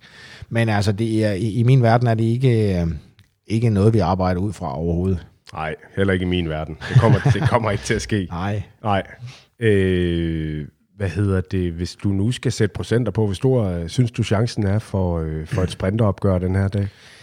Jamen, det, det afgør vinden. Øhm, hvis, der er, øh, hvis der ikke er sidevind hen over Storbæltsbroen, så er, ligger den jo også lidt på flade, den flade hånd, at der vil komme en relativt stor gruppe i hvert fald. Som Dennis var også inde på, og jeg tror også, jeg selv nævnte det tidligere, så, så kører vi jo langs strandkanten fra Kalundborg og ned til Korsør. Og der kan, kan der altså godt blive, blive nogle, nogle rytter sat af. Men øh, jeg vil stadigvæk tro, at øh, hvis der er sidemænd dernede, altså rammer, så er der stadigvæk godt 100 mand i første gruppe, der vil ramme Storebæltsbroen ned i Korsør. Og så kan man sige, at så, øh, hvis du så går over i, i modvind, side modvind, øh, så vil de jo holde sammen. Øh, nu er det gode så, at, at på Sprogø, der drejer, knækker broen jo, Storebæltsbroen er lige lidt, og går lidt mere sygeligt. Ja. Øh, og så kan man håbe, at hvis ikke der, så begynder det i hvert fald at dreje, øh, dreje derovre fra. Øh, så, øhm, så, så jeg er lidt spændt, altså jeg er virkelig spændt på at se, hvordan cykelfeltet er. Også fordi, at, øhm, at øh, dem, der har prøvet at cykle, de ved jo, at og dem, der har prøvet at køre på Storbritannien, de ved jo, når du, når du kører ind på broen på, på Sjællandssiden, jamen, så starter du jo med at køre op ad en 4-5 km. Eller Ja, sådan noget. det er rigtigt. Og, øhm, og der kan det jo så godt være svært at køre sidevindskørsel, når det er op ad bakke, ved mindre vinden er helt præ- præcis. Så jeg, jeg vil jo ikke blive overrasket, hvis først det hele sker på vej ned mod Sprogø, altså fra toppen af, af Højbroen og ned, og så hvor man drejer lidt svagt til venstre, og så på lavbroen. Øh, de sidste, jeg har ikke lige kilometer, men det er en 8-9 km, der er der, eller 10 km, der er fra Sprogø og, og, og hjem til, til, til målstregen i, i, Kors, eller i Nyborg. Øhm, så, så, så jeg er meget, meget spændt på at se, hvordan, øh, hvor- hvordan feltet reagerer, men, men det er simpelthen vinden, der vil afgøre, øh, hvordan feltet reagerer, når de, når de kører ud af betalingsanlægget. Ja, præcis. Har du selv været ude og cykle noget af den her øh, rute? øh, nej, ikke øh, i samme, øh, i den her øh, omgang, kan du Nej, sige, men, men jeg har cyklet på det, øh, på mange af de her bakker derovre, og, og, jeg, og jeg kørte også øh, Stor, Storbæltsbroen, dengang den åbnede, sidste gang, der var sådan et større motionscykelløb. Og, øh, og der er jo et sted efter øh, Côte de øh, Korop Strandbakke, øh, som Dennis han snakkede om, øh, en, en 6-7 km derefter, øh, der, blev jeg, der, der blev jeg faktisk dansk mester i 1996 i en spurt. Det, har, det ved franskmændene, for ja. der har jeg fortalt dem hver eneste gang, vi kørte forbi. Lige nuagtigt der, der har jeg stoppet bilen og gået ud og kysset asfalt. og der vandt jeg en spurt over Johnny Vels og nogle par andre øh, med, med meget, meget få centimeter ved dansk mester. Så jeg har cyklet og kørt cykelløb i det område der, og det er et fantastisk cykelområde. Ja. Hvor vil du stille dig hen, hvis du skulle, øh, skulle stå ved vejkanten og kigge med den her dag? Jamen altså, der er jo, der er jo 200 km øh, her, og, og hvis vi så den trækker broen fra, så er vi nede på 180 km i rundtal, ikke? og så kan du øh, sige 360 km. Øh, der er jo rigtig, rigtig mange fantastiske steder, man kan stå her øh, på den her etape, men øh, det jeg glæder mig til, fordi jeg forventer, at jeg står i Nyborg, men det jeg, det jeg glæder mig til, og jeg tror det bliver en fantastisk oplevelse for dem, der er i Nyborg den, den 2. juli, det er, at øh, når man kan se cykelfeltet på den anden side af Storebæltsbroen, fordi du kan ikke se cykelrutter, men du kan se helikopterne. Ja. Og så kan du se, når feltet kører på broen, og helikopterne kommer bare tættere og tættere og tættere på dig, på Nyborg, og lige pludselig, så kan du høre helikopterne, og det der dum, dum, dum, dum, dum, dum, og der er jo en 3-4 tv-helikopter, og så kommer, altså, så, så jeg tror simpelthen, der vil blive sådan helt øh, elektrisk stemning i målområdet i Nyborg, eller i, kan man sige, i land, på de der 2,5 km landfast. Ja. der er øh, de sidste 2,5 km den rute der, hvor der kan stå tilskuere, fordi jeg tror simpelthen, det bliver sådan, virkelig sådan, hvor du, du bare stille og roligt får, får, får sådan en ja, helt elektrisk stemning øh, kørt op, ja. og så siger de bare lige, shum, og så er de der, og så er det slut ja. den dag. Så jeg tror virkelig sådan, hvor man bare tænker, wow, en, en, en ordentlig skrald, det her, det gad. Ja. Og, og, så så det, der, jeg glæder mig meget til at stå i Nyborg den dag og, og opleve det der. Og, og også fordi man kan se det så tydeligt i, ja, nærmest, det er jo 25 minutter før det hele er slut, der kan du virkelig følge og se, de kommer, og de kommer, og de kommer, og ikke kun stå og kigge på en stor skærm, men du kan også se ja. det live. Så, ja. så, og så håber jeg jo også, øh, og appellerer til, at øh, også der, øh, ligesom alle mulige andre steder, hvor, fordi vi cykler ved så meget vand, men jeg håber jo også på, at de her fantastiske tv-billeder, øh, vi vil få af Storebæltsbroen med en masse øh, lystsejler, der har sejlet forbi og vil øh, se Tour de France for deres båd af, ligge under broen, eller i hvert fald ligge på afstand, så de kan se op over broen. Ikke? Det, det, det, det, det vil være, være helt fantastisk. Altså det, øh, så hvis jeg ikke var tilskuer på land, så vil jeg, og, og have en båd, så vil jeg sejle ud og ligge ude ved, ved Storebæltsbroen og der ved Lavbroen og virkelig opleve Tour de France komme forbi. Ja. Kommer man til at bruge øh, sprogø til noget? Øh, nej, ikke som udgangspunkt. Øh, det kan være, det kan være, at øh, vi ved, og jeg vil hellere sige sådan, vi ved, at vi skal køre på sydsiden af lavbroen, fordi nordsiden skal bruges, eller være mulig redningsvej, hvis der okay. sker noget med togtrafikken. Det håber vi selvfølgelig ikke, men, men den kan vi ikke cykle på, så vi ved, at vi skal køre på, sy, på sydsiden. Og det er ikke helt afgjort endnu, hvordan vi kommer på sydsiden. Om vi gør det allerede over i betalingsanlægget, eller vi gør det, uh, Storbæltsbroen og Sund Bælt har fået sådan nogle nye øh, mobile, øh, kan man sige, øh, midterhælder, så de bare lige kan, kan nærmest på ingen tid øh, åbne op. Så det kan man gøre på vej ned af, af, af Højbroen, ja. hvor du så kan få feltet over i, øh, i sydsiden, hvis du kører på knogsiden på Højbro. Og, okay. ellers, og ellers så kan man jo lave sådan en et S på sproget, og du så man kører under motorvejen, og så kører op øh, og det kunne også være lidt spektakulært. Øh, det ved jeg, at, øh, at det vi har talt med ASO om, øh, det, er lidt, det er også lidt med vinden at gøre, fordi vi vil jo, altså, som Dennis var inde på, så, så, så kan det jo godt være farligt. Så vi vil også godt øh, prøve at se, i hvert fald på højbroen, om alt efter hvor vinden er, at vi kan sikre os, at feltet søger mod midten. Ja. Øh, så hvis der er nordvestenvind, så kører på nordsiden af, af højbroen, for ligesom at de, de vifterne holder sig derinde. Ja. Øhm, og der har vi snakket med ASO om, at det kan vi afgøre inden for de sidste, den sidste uges tid, hvad vi gør. Mm. Øhm, så der er nogle forskellige muligheder i spil der endnu. Hvis man ikke har fået billet til det her motionsløb, og man gerne vil ud og brænde 100 km af på den her rute, hvor skal man så øh, lægge dem hen, synes du? Jamen, det er jo sådan, at øh, omkring påske, Øh, vi arbejder lige lidt på den præcise dato. Der bliver det sådan, både, både anden og tredje etape bliver jo officielle danske øh, cykelruter. Ja. Det, der bliver faktisk sat skilte op, så man kan selv finde rundt, så man behøver ikke engang ja, og skal downloade det, det på en Garmin eller noget, men der vil faktisk stå skilte rundt omkring, også hvor man være markeret, hvor der er bjerge og pointspurter. Øhm, og øh, jamen, altså, jeg, jeg, kunne da, altså, jeg kunne godt tænke mig at cykle det af, det alle sammen, for jeg tror, det bliver så spektakulært. Men jeg synes jo også at køre de første 100 km, hvor man starter ud af Roskilde og ud af, af hvad den her øh, Letterborg Allé. Der er de første 3 km, hvor der er træer på begge sider af vejen, og det er fantastisk, hvor man kører ud mod Letterborg og ind igennem Lejre Kommune, og så op øh, mod Holbæk øh, hen over øh, hvad er den der bro her, hvor man står og fanger sværfisk. Ja, Ja, det er også lige meget, men, ja. men det er fantastisk smukt deroppe, og, og så lige når man rammer Holbæk, der kører man jo næsten forbi, hvor Mads Pedersen, han bor, han bor lige oppe af en af stikvejene, har han fortalt mig, så han kører, han bor nærmest på ruten, men, men og så derefter kører op, og så kører op i, uh, i bjergeområdet, op i Øjshøj Kommune, ja. øhm, Men man kan også vende om og sige, at man kan også starte deroppe, og så, som Dennis også er inde på, øh, altså turen fra Kalamborg og ned til Korsør bliver også meget, meget spektakulær, fordi vi, vi, vi, vi har gjort alt, hvad vi kan for at køre i vandkanten, og ikke på stranden. Men, Nej, men, dog ikke. men, øh, men, men virkelig så tæt på som overhovedet muligt, så, øh, Ja. så, så det, det, den, den bliver også meget fantastisk, eller den vil også være spektakulær at cykle, den, det stykke der. Alex, vi skal have fat i uh, tredje etape nu. Uh, her skal vi have fat i en sag, som, uh, som nævnt starter i Vejle, slutter i Sønderborg. Som uh, navnene på start- og målbyerne antyder, så skal vi ned langs den uh, sydøstjyske kyststrækning. Vi er ikke helt så tæt på vandet, som det var tilfældet dagen før, men til gengæld så er der masser af smukt øh, at kigge på den her dag. Efter en sløjfe i Vejleområdet, øh, så går turen mod Kolding, igennem Kolding, og vi skal mod Christiansfeldt, som vi også har snakket om, og igennem Haderslev. Så går turen igennem Åben Rå og slutter altså i øh, Sønderborg. Lad os lige lytte til Dennis igen. Dennis, vi har kigget på første etape, enkeltstarten i København. Vi har kigget på den spektakulære anden etape, som måske slutter med et kæmpe vinddrama over Storbælt. Og mm. øh, så skal vi også lige vende tredje etape, som går fra Danmarks cykelmæssige hovedstad, kan man sige, Vejle, og så til øh, Sønderborg. Hvad synes du kendetegner den her tredje etape ned, ned langs den øh, jyske østkyst? Jeg synes, det er igen en sådan landskabsmæssigt, udsigtsmæssigt meget smuk etape, som jeg glæder mig meget til. Da Rolf og jeg cyklede den der tredje etape, der, der cyklede vi steder, som øh, vi ikke kender særlig godt. Ja.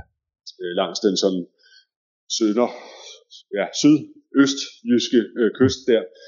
Øhm, og alt det historiske, jeg glæder mig meget til at fortælle historierne om Vejle, Jellingstenen og Danmarks øh, øh, vugge og sådan nogle ting. Mm. Øh, men når alt det er sagt, så vil jeg sige, her der har vi at gøre med en sprinteretappe i helt klassisk forstand. Det er jeg ret sikker på. Altså jeg tror ikke, det er en etape, hvor vi kommer til at se de store vilde ting i, i, øh, i klassementet og tidsforskelle og sådan nogle ting. Mm. Igen, det er 2022, og de kører som, jeg ved ikke hvad, så man skal aldrig sige aldrig, men det ligner en sprinteretappe. Mm. Øh, og med, med, med et flot, flot opløb øh, nede i Sønderborg, i øvrigt forbi Bybel Mølle og alt det der, som også bliver fantastisk. Men det ligner en sprinteretappe. Mm. Øh, ikke, og det er ikke noget, jeg siger i ords kedelig betydning, eller man skal, så skal man blive skuffet, for det skal man bestemt ikke, for der bliver masser at tale om. Men, øh, men, men jeg tror, de får svært ved at komme ind med feltets bedste sprinter den dag. Er, er det i virkeligheden en lidt skuffende øh, rute, øh, det her? Eller er det, er det okay? Altså, er det, er det bare sådan, det er? Altså, de vil jo gerne slutte langt mod syd, eller det var et krav, så vidt jeg forstår. Ja, nej, jeg synes ikke, det er skuffende. Altså, øh, altså, jeg hører ikke til det kor, der siger, nå, men uh, turens første uge, det er alligevel kedeligt, for det er bare fladt, og det er bare sprinteretapper og sådan nogle ting. Nej, nej, nej, sådan nogle etapper kan jo byde på masser af underholdning. Det synes jeg også, vi har set uh, inden for de senere år. Ja. Uh, der er det bare en anden tid nu, altså, uh, vi, vi lever i, uh, hvor de kører cykelløb på en anden måde. Øh, og nej, jeg synes overhovedet ikke, det er skuffende. Altså, der er fint terræn, og igen altså, har man jo valgt øh, småveje, små, øh, smalle passager ind gennem skove, og, og taget de bakker med, man har kunne finde. Mm. Øh, det er klart, du kunne sagtens have lavet en rute i det jyske med øh, flere højdemeter. Øh, det kunne man, men øh, det har ikke været målet, og øh, det synes jeg heller ikke, det behøver at være. Mm. Øh, det passer også meget godt til Danmark, at vi har en altså en regulær sprinteretappe i, i vores forholdsvis øh, flade land. Ikke? Og, Det- og hvad man kan sige, anden etape over Storebælt kan, kan også godt blive vundet af en sprinter, men det kan ved Gud i himlen også blive meget andet. Ja. Og så synes jeg, det egentlig er fint, at vi har en, en måske en stor, flot, royal massespurt i Sønderborg med nogle Ja. af de absolut bedste sprinter i verden. Det, det skal vi ikke skamme os over på nogen måde. Det er en god pointe. Øhm, hvor vil du placere dig hen? Hvor vil du stå og klappe af rytterne den her dag? Altså, øh, vi, jeg kan ikke huske præcis, hvad stedet hed, og jeg er ikke så lokalkendt i det område, men Rolf og jeg, vi øh, hæftede os meget ved, øh, man kommer ind gennem sådan, man kører lidt opad, og så kommer man ind gennem en skov, lige inden man kører lidt ned igen, og, kommer ind, og kommer ind i Åben Rå. Okay. Øh, der var en skov der lige før, altså lige nord for, øh, og det, den synes vi både var, øh, altså der var bare, der var smukt, men det var også, øh, der var også en lidt drilsk nedkørsel, og sådan, vi snakkede om, der var nogle muligheder for at komme væk der, og, og sådan nogle ting, og lave numre, ja. øh, sådan nogle overraskelsesangreb. Øh, det var et rigtig fint sted, så det vil jeg anbefale. Yes. Der tænker jeg, at der godt kunne ske ting og sager. Men der er mange steder, mange steder, smukke steder. Og øh, hvis man skulle ud med racercyklen inden og prøve det her af, så man ligesom kan genkende det, når man skal øh, se det i fjernsynet, er det, øh, er det også her, eller hvor Det kunne også hen? være det her, men det, det Ja. kunne bestemt også være øh, op omkring Vejle, og de stigninger, som, som ruten øh, går forbi der, og ude omkring Jelling, øh, og sådan nogle ting. Ja. Det, det kunne det også være. Ja. Men det kunne i virkeligheden være over det hele. Altså, der er, der er masser at se på Ja. langs ruten der. Fantastisk. Dennis, øh, tusind tak for din hjælp. Nu vil jeg øh, vende tilbage til Alex, og så må du øh, have alt muligt held og lykke og god fornøjelse med kommenteringen fra 1. juli. Vi Tak, glæder os øh. virkelig meget til at, at se og lytte med. Ja, men øh, det, øh, det gør vi bestemt også. Ja, men øh, tak skal du have.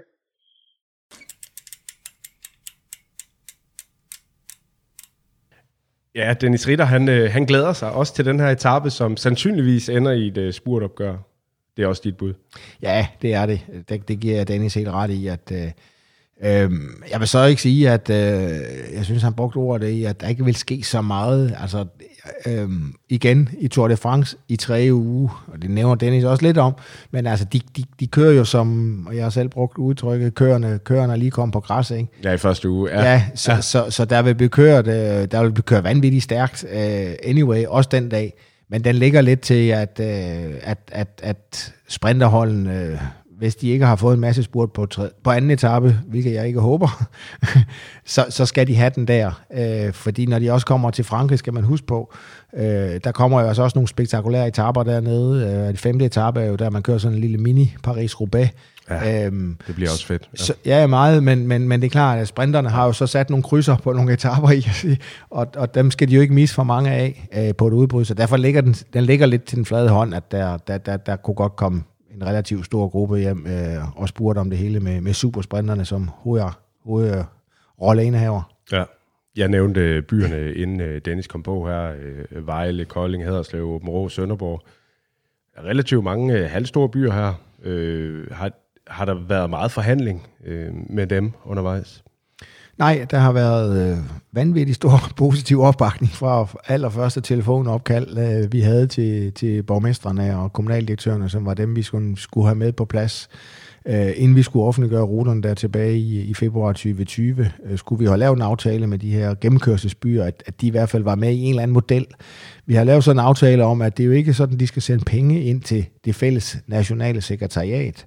Det, det er de fem startmålbyer, øh, der skal finansiere det sammen med staten og Sport Okay. Danmark og andre.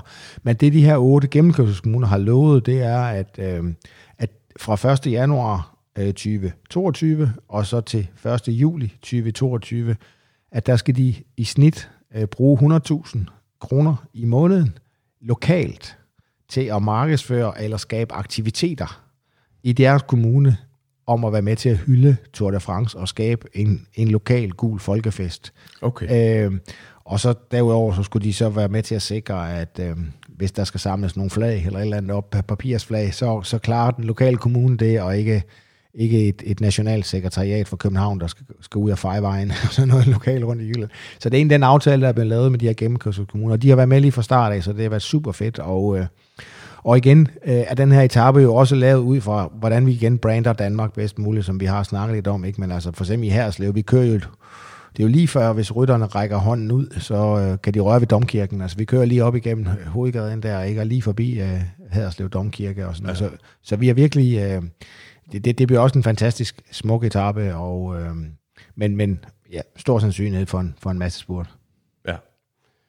Altså, det er jo en kæmpe appelsin i turbanen for de her øh, byer. Øh, det er billig reklame, det er.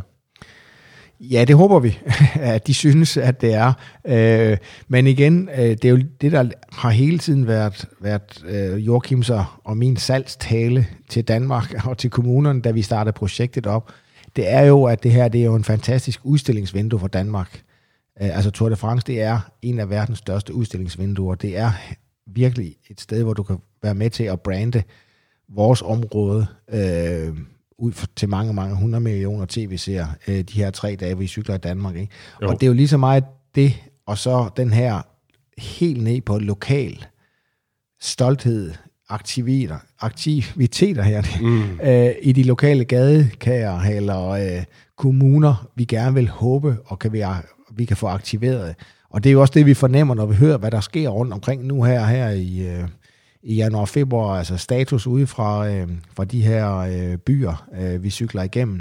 Altså der, det er jo, der, er jo, der er masser af gode ting i gang, hvor der skal ske alle verdens ting øh, i dagene, ugerne, månederne op til. Øh, og ikke mindst på løbsdagene, hvor de vil skabe noget fest og samle øh, nogle lokale områder. Selvom det er ude på landet, så samles man ved Gorman Jensens øh, mark, og så, så, så griller man en pattegris og, og drikker nogle fad, eller hvad man nu gør. Øh, og det er jo fantastisk fedt, og det er jo ligesom det, der har været håbet hele tiden, det er at engagere danskerne i, øh, i en Grand Depart. Ja. Det her med, at der er så mange af os, der faktisk kører på øh, motionscykel, øh, racercykel her i, i Danmark. Øh, tror du, man vil se det på de her ruter de kommende det, måneder? Ja, det håber jeg. Og, og igen, som jeg sagde før, øh, nu, nu får vi jo den markeret som, som nationale cykelruter. Øh, men jeg ved godt, at mange cykel øh, motionister har jo Garmin-computer på cyklerne i dag, og der kan man downloade ruten, og de ligger jo inde på vores hjemmeside, som er leturcph.dk, og der kan man gå ind og finde ruterne og downloade dem, dem til.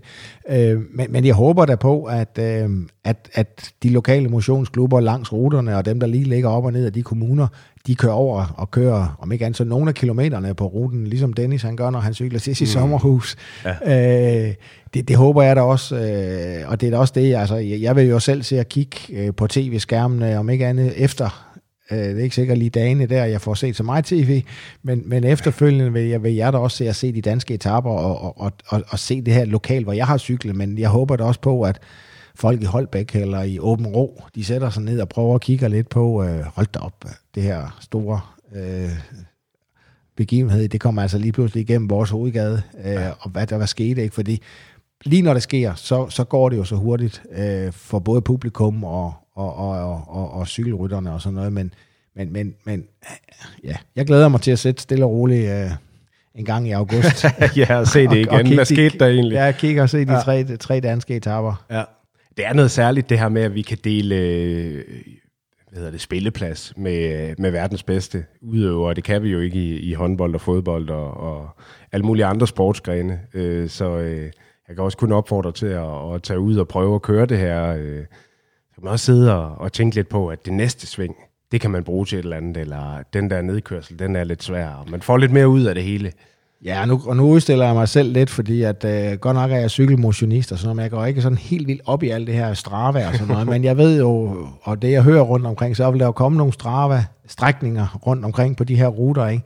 Og det kunne jo også være sjovt at, at selv gå ud og sætte en tid, og så bagefter se, hvad, hvad, hvor stærkt kører Tour de france egentlig op ja. over der, selvom jeg ved godt, de nok ikke kører jo de der straffe strækninger for at slå rekorder, men alligevel kunne det godt give, give et billede af, um, om ikke andet i hvert fald op af, af bjergspurterne og sådan nogle steder. Ikke? Ja. Øh, så, så, så det er jo også en del af det her med, hvordan får vi engageret så mange danskere som overhovedet muligt, fordi jeg håber da virkelig på, at uh, at når, når foråret kommer til Danmark hen ved påsketid her til april, at, at, at vi så ser, begynder at se øh, mange Strava-bud øh, rundt ja. omkring på, på, på specielt anden og tredje etape. Det bliver nok svært inde i København at lave sindssygt mange ja, det vil sige, rekorder. Det skal være grøn bølge i hvert fald. ja. Så, så, så det glæder jeg mig også til, og det, det fornemmer jeg også, øh, at, at, at, at det vil der komme, fordi det, det er også det, jeg hører fra, fra motionsverdenen af, at, øh, at, at de, de er allerede ved at, at, at blive lavet, hvis det måske de allerede er derude, som jeg bare ikke lige har selv klar over, fordi jeg ikke lige følger med på det medier der. Altså, det nummer, der lavede jeg op til DM i Give med, med en gut, der hedder Anders Foldager, som skal ned øh, til Italien og køre nu her øh, på kontrakt, og øh, det var både sjovt og lidt et knæk i selvtilliden, men det må man altså tage med, fordi øh, det er også det, der er sjovt, øh, at, at sammenligne, hvor dygtige de egentlig er, de her, ja. øh, i forhold til en selv, der ikke øh, har og, det talent. Og, og det er jo det, som du siger, det, det kan man jo ikke gøre på en fodboldstadion, eller en, en håndboldhal, eller andet. Ikke? Og det er jo også der, hvor jeg synes det her, og det er selvfølgelig, nu er jeg jo vanvittigt meget farvet, ikke? men det er jo der, hvor jeg synes Tour de France øh, er helt ekstraordinært, ikke? fordi det foregår ude på offentlig vej, ude i offentlig rum, Øh, Øh, om man spiller, og jeg er stor sportsfan generelt, så jeg går både op i ishockey, fodbold og håndbold, men de foregår inde i arenaer, og der nogle gange kan det være meget svært at se, hvor spiller man hen, hvilken land er det, hvilken kultur og hvilken natur er der. Øh, men det er jo det, Tour de France kan, fordi det foregår ude i offentlig rum. Det gør det. Og det kommer til at foregå i Danmark. Øh, super godt, Alex. Vi, øh, vi kom igennem ruten, og vi kom igennem den her stort set optakt til øh, Tour de France, eller Danemark. Øh, så nu, øh, nu skal det bare blive, øh, blive juli hurtigst muligt. Øh, Alex, når den sidste lastbil øh, fra Tour de France-karavanen er trillet over grænsen til øh, Tyskland, og øh, den sidste rytter letter fra Sønderborg Lufthavn, hvilken følelse tror du, øh, du sidder med? Jamen, øh, altså jeg tror, det vil være... Nu har jeg jo været øh, både aktiv cykelrytter, men jeg har også været sportsdirektør i Tour de France. Øh, og øh, jeg kan huske øh, første gang, jeg har været sportsdirektør i Tour de France i 2000, øh, da vi kom hjem efter en måned, fordi man er der jo cirka en uges tid før, øh, hvor den måned har været så intenst 24-7, du havde næsten ikke engang fri, når du gik ind på dit eget værelse og lukkede døren for at skulle sove. Øh, det der tomrum, altså dagen efter, når du kom hjem, telefonen ringer ikke, øh, øh, der, der er bare helt ro. Øh, jeg tror, øh, at der vil være en eller anden form for, for sort hul, øh, man lige hopper ned i, øh, eller falder ned i helt naturligt. Måske ikke lige om mandagen, men så tirsdag og onsdag, hvor der er faldet helt ro på, fordi mandag, der vil stadigvæk være en danske medier, der følger op, og viserne vil være fyldt af det. Ikke? Men så starter Tour de France jo, fjerde etape om tirsdagen, ja. og så kører de videre. Så er man over det sorte hul igen. Ja, ja, det kan du sige, men, men så kører de videre, og så er Danmark ja. lige pludselig ikke i fokus, Nej. eller så... Øh, Nej. Ja, så, så tror jeg faktisk, at, øh, at det er først der, man ligesom tænker, at, at så er det jo over. Altså, så, så, er man jo ikke, så er Danmark jo ikke en del af Tour de France længere. Øh, så er vi, kan man sige, ude øh, af den her omgang i hvert fald. Øhm, så jeg tror sådan hen øh, tirsdag og onsdag, der tror jeg, det bliver sådan en, et vakuum i, at øh, det er meget, meget intens dage den sidste uge op til den, vi kalder i vores øh, organisation her, kalder Grand Depart ugen. Altså, den bliver meget, meget intens. Og så tror jeg, når vi kommer på tirsdag og onsdag, at det bliver meget, meget stille og, og mærkeligt, at, at, at for Joachim som min vedkommende, jamen så er det jo 10 års arbejde øh, on-off, øh, der ligesom er gennemført. Øh, men det bliver også hylde sjov, og det er jo ikke fordi, jeg ser frygter, og, at jeg ryger ned i et sort hul. Øh, jeg glæder mig som en lille dreng til juleaften. Øh, til den her Grand Depart uge, altså med holdpræsentation den 29. juni, som, hvor først rytterne kører halvanden to kilometer rundt i Københavns gader og skal ind og præsenteres på scenen inde i Tivoli. Ikke? Og så de her tre etaper, 1., 2., 3. juli øh, rundt i Danmark. Altså, det, det, det, det, jeg glæder mig helt vildt, og øh, ja, jeg tæller ned hver eneste aften, jeg går i seng, så er der en, en dag mindre til det hele, det sker. Jeg tror også, jeg skal have sådan et uh, gigantisk kalenderlys, jeg allerede nu kan begynde at tælle, tænde hver aften, og så uh, tæller ja. den ned. Hvad hedder det? Um, du har haft travlt med det her projekt, som du siger, i 10 år, i rigtig mange år. Du har dedikeret uh, et helt år 10 til det her, um, til den her danske Tour de France start, Grand Depart. Når det så bliver et, uh, et Grand Achèvement, eller uh, altså den store afslutning, hvad venter der så for dig, Alex? Hvad skal du beskæftige dig med øh, fremover? Ja, yeah det er et godt spørgsmål, Martin. Øh, jeg ved det ikke. Øh, jeg er jo, øh, altså, jeg skal ud og få noget andet og give mig til, øh, når jeg kommer på den anden side af sommerferien øh, her 2022. Øh, jeg, har ikke, jeg har ikke sat nogen både i, i søen eller Øh, nogen føler ud eller noget, fordi at, at det er så intens nu og de næste 4-5 måneder uh, op mod turen. Uh, så jeg tager, det, jeg tager det helt ærligt stille og roligt og nyder øh, det her Grand Depart-arbejde og, og den proces, der kommer fra, mm. fra nu af. Og så øh, at det er jo lidt ligesom sådan en ishockey-stav, som vi skal bruge i sport, stadigvæk blive ja, sport. endelig blive det. Hvor, hvor, hvor det hele bare og så ja. eksploderer, og så bliver helt stejl til sidst, ikke? Øhm, og, og det er jo det, der vil også øh, ske her. Og øh, ja, så skal jeg få på noget andet at lave. Ja, bare rolig. Jeg, har, øh, jeg vil gerne sætte et par øh, både i søen, hvis du ikke selv vil. Øh, Vejle, de skal jo måske lykkes med at få et World Tour løb. Det her de vil de gerne lægge billet ind på, og øh, der synes jeg ærligt talt, at du vil passe rigtig godt til øh, at få det til at lykkes. Og ellers så skal vi jo også have VM til Danmark igen på et tidspunkt. Mm, ja. øh, det kunne også godt være dig, Alex. Det, det, øh, det må politikere og andre lige øh, overveje. Jeg synes i hvert fald, øh, den præstation, som, øh, som du har leveret i, i forbindelse med det her, den er jo øh, helt, helt, helt fantastisk, og vi er utrolig meget og, og tak dig for, Alex. Øhm, tak for den indsats, og tak fordi jeg måtte komme indenfor øh, hos dig i dag og, øh, og tale om det her, som øh, vi alle sammen glæder os så meget til. Tak skal du have, fordi du var med. Ja, velbekomme, og æren er på min side, og fornøjelsen at være på min side. Bare det, jeg får lov til at fortælle om Grand Depart, så bliver jeg jo glad igen. Så nu har jeg også haft en god weekend her, og du har kommet og fortalt mig, så, ja, det så det er fantastisk. Tak for det. Ja, det er godt, Alex. Øh, tak for det, og øh, også tak til dig derude, der har lyttet med. Jeg håber, du glæder dig lige så meget som øh, Alex og, og mig. Jeg håber også, at du har haft en god stund i selskab med den her Bagerstop-episode. Husk, at du meget gerne må hjælpe Bagerstop på tier.dk og smide anmeldelser og stjerner ud i vildskab på iTunes og andre steder. Så må du først og fremmest have verdens bedste cykeltur ude på den danske asfalt, uanset om det så er en øh, del af sommers Tour de France-rute eller ej. Tusind tak for i dag.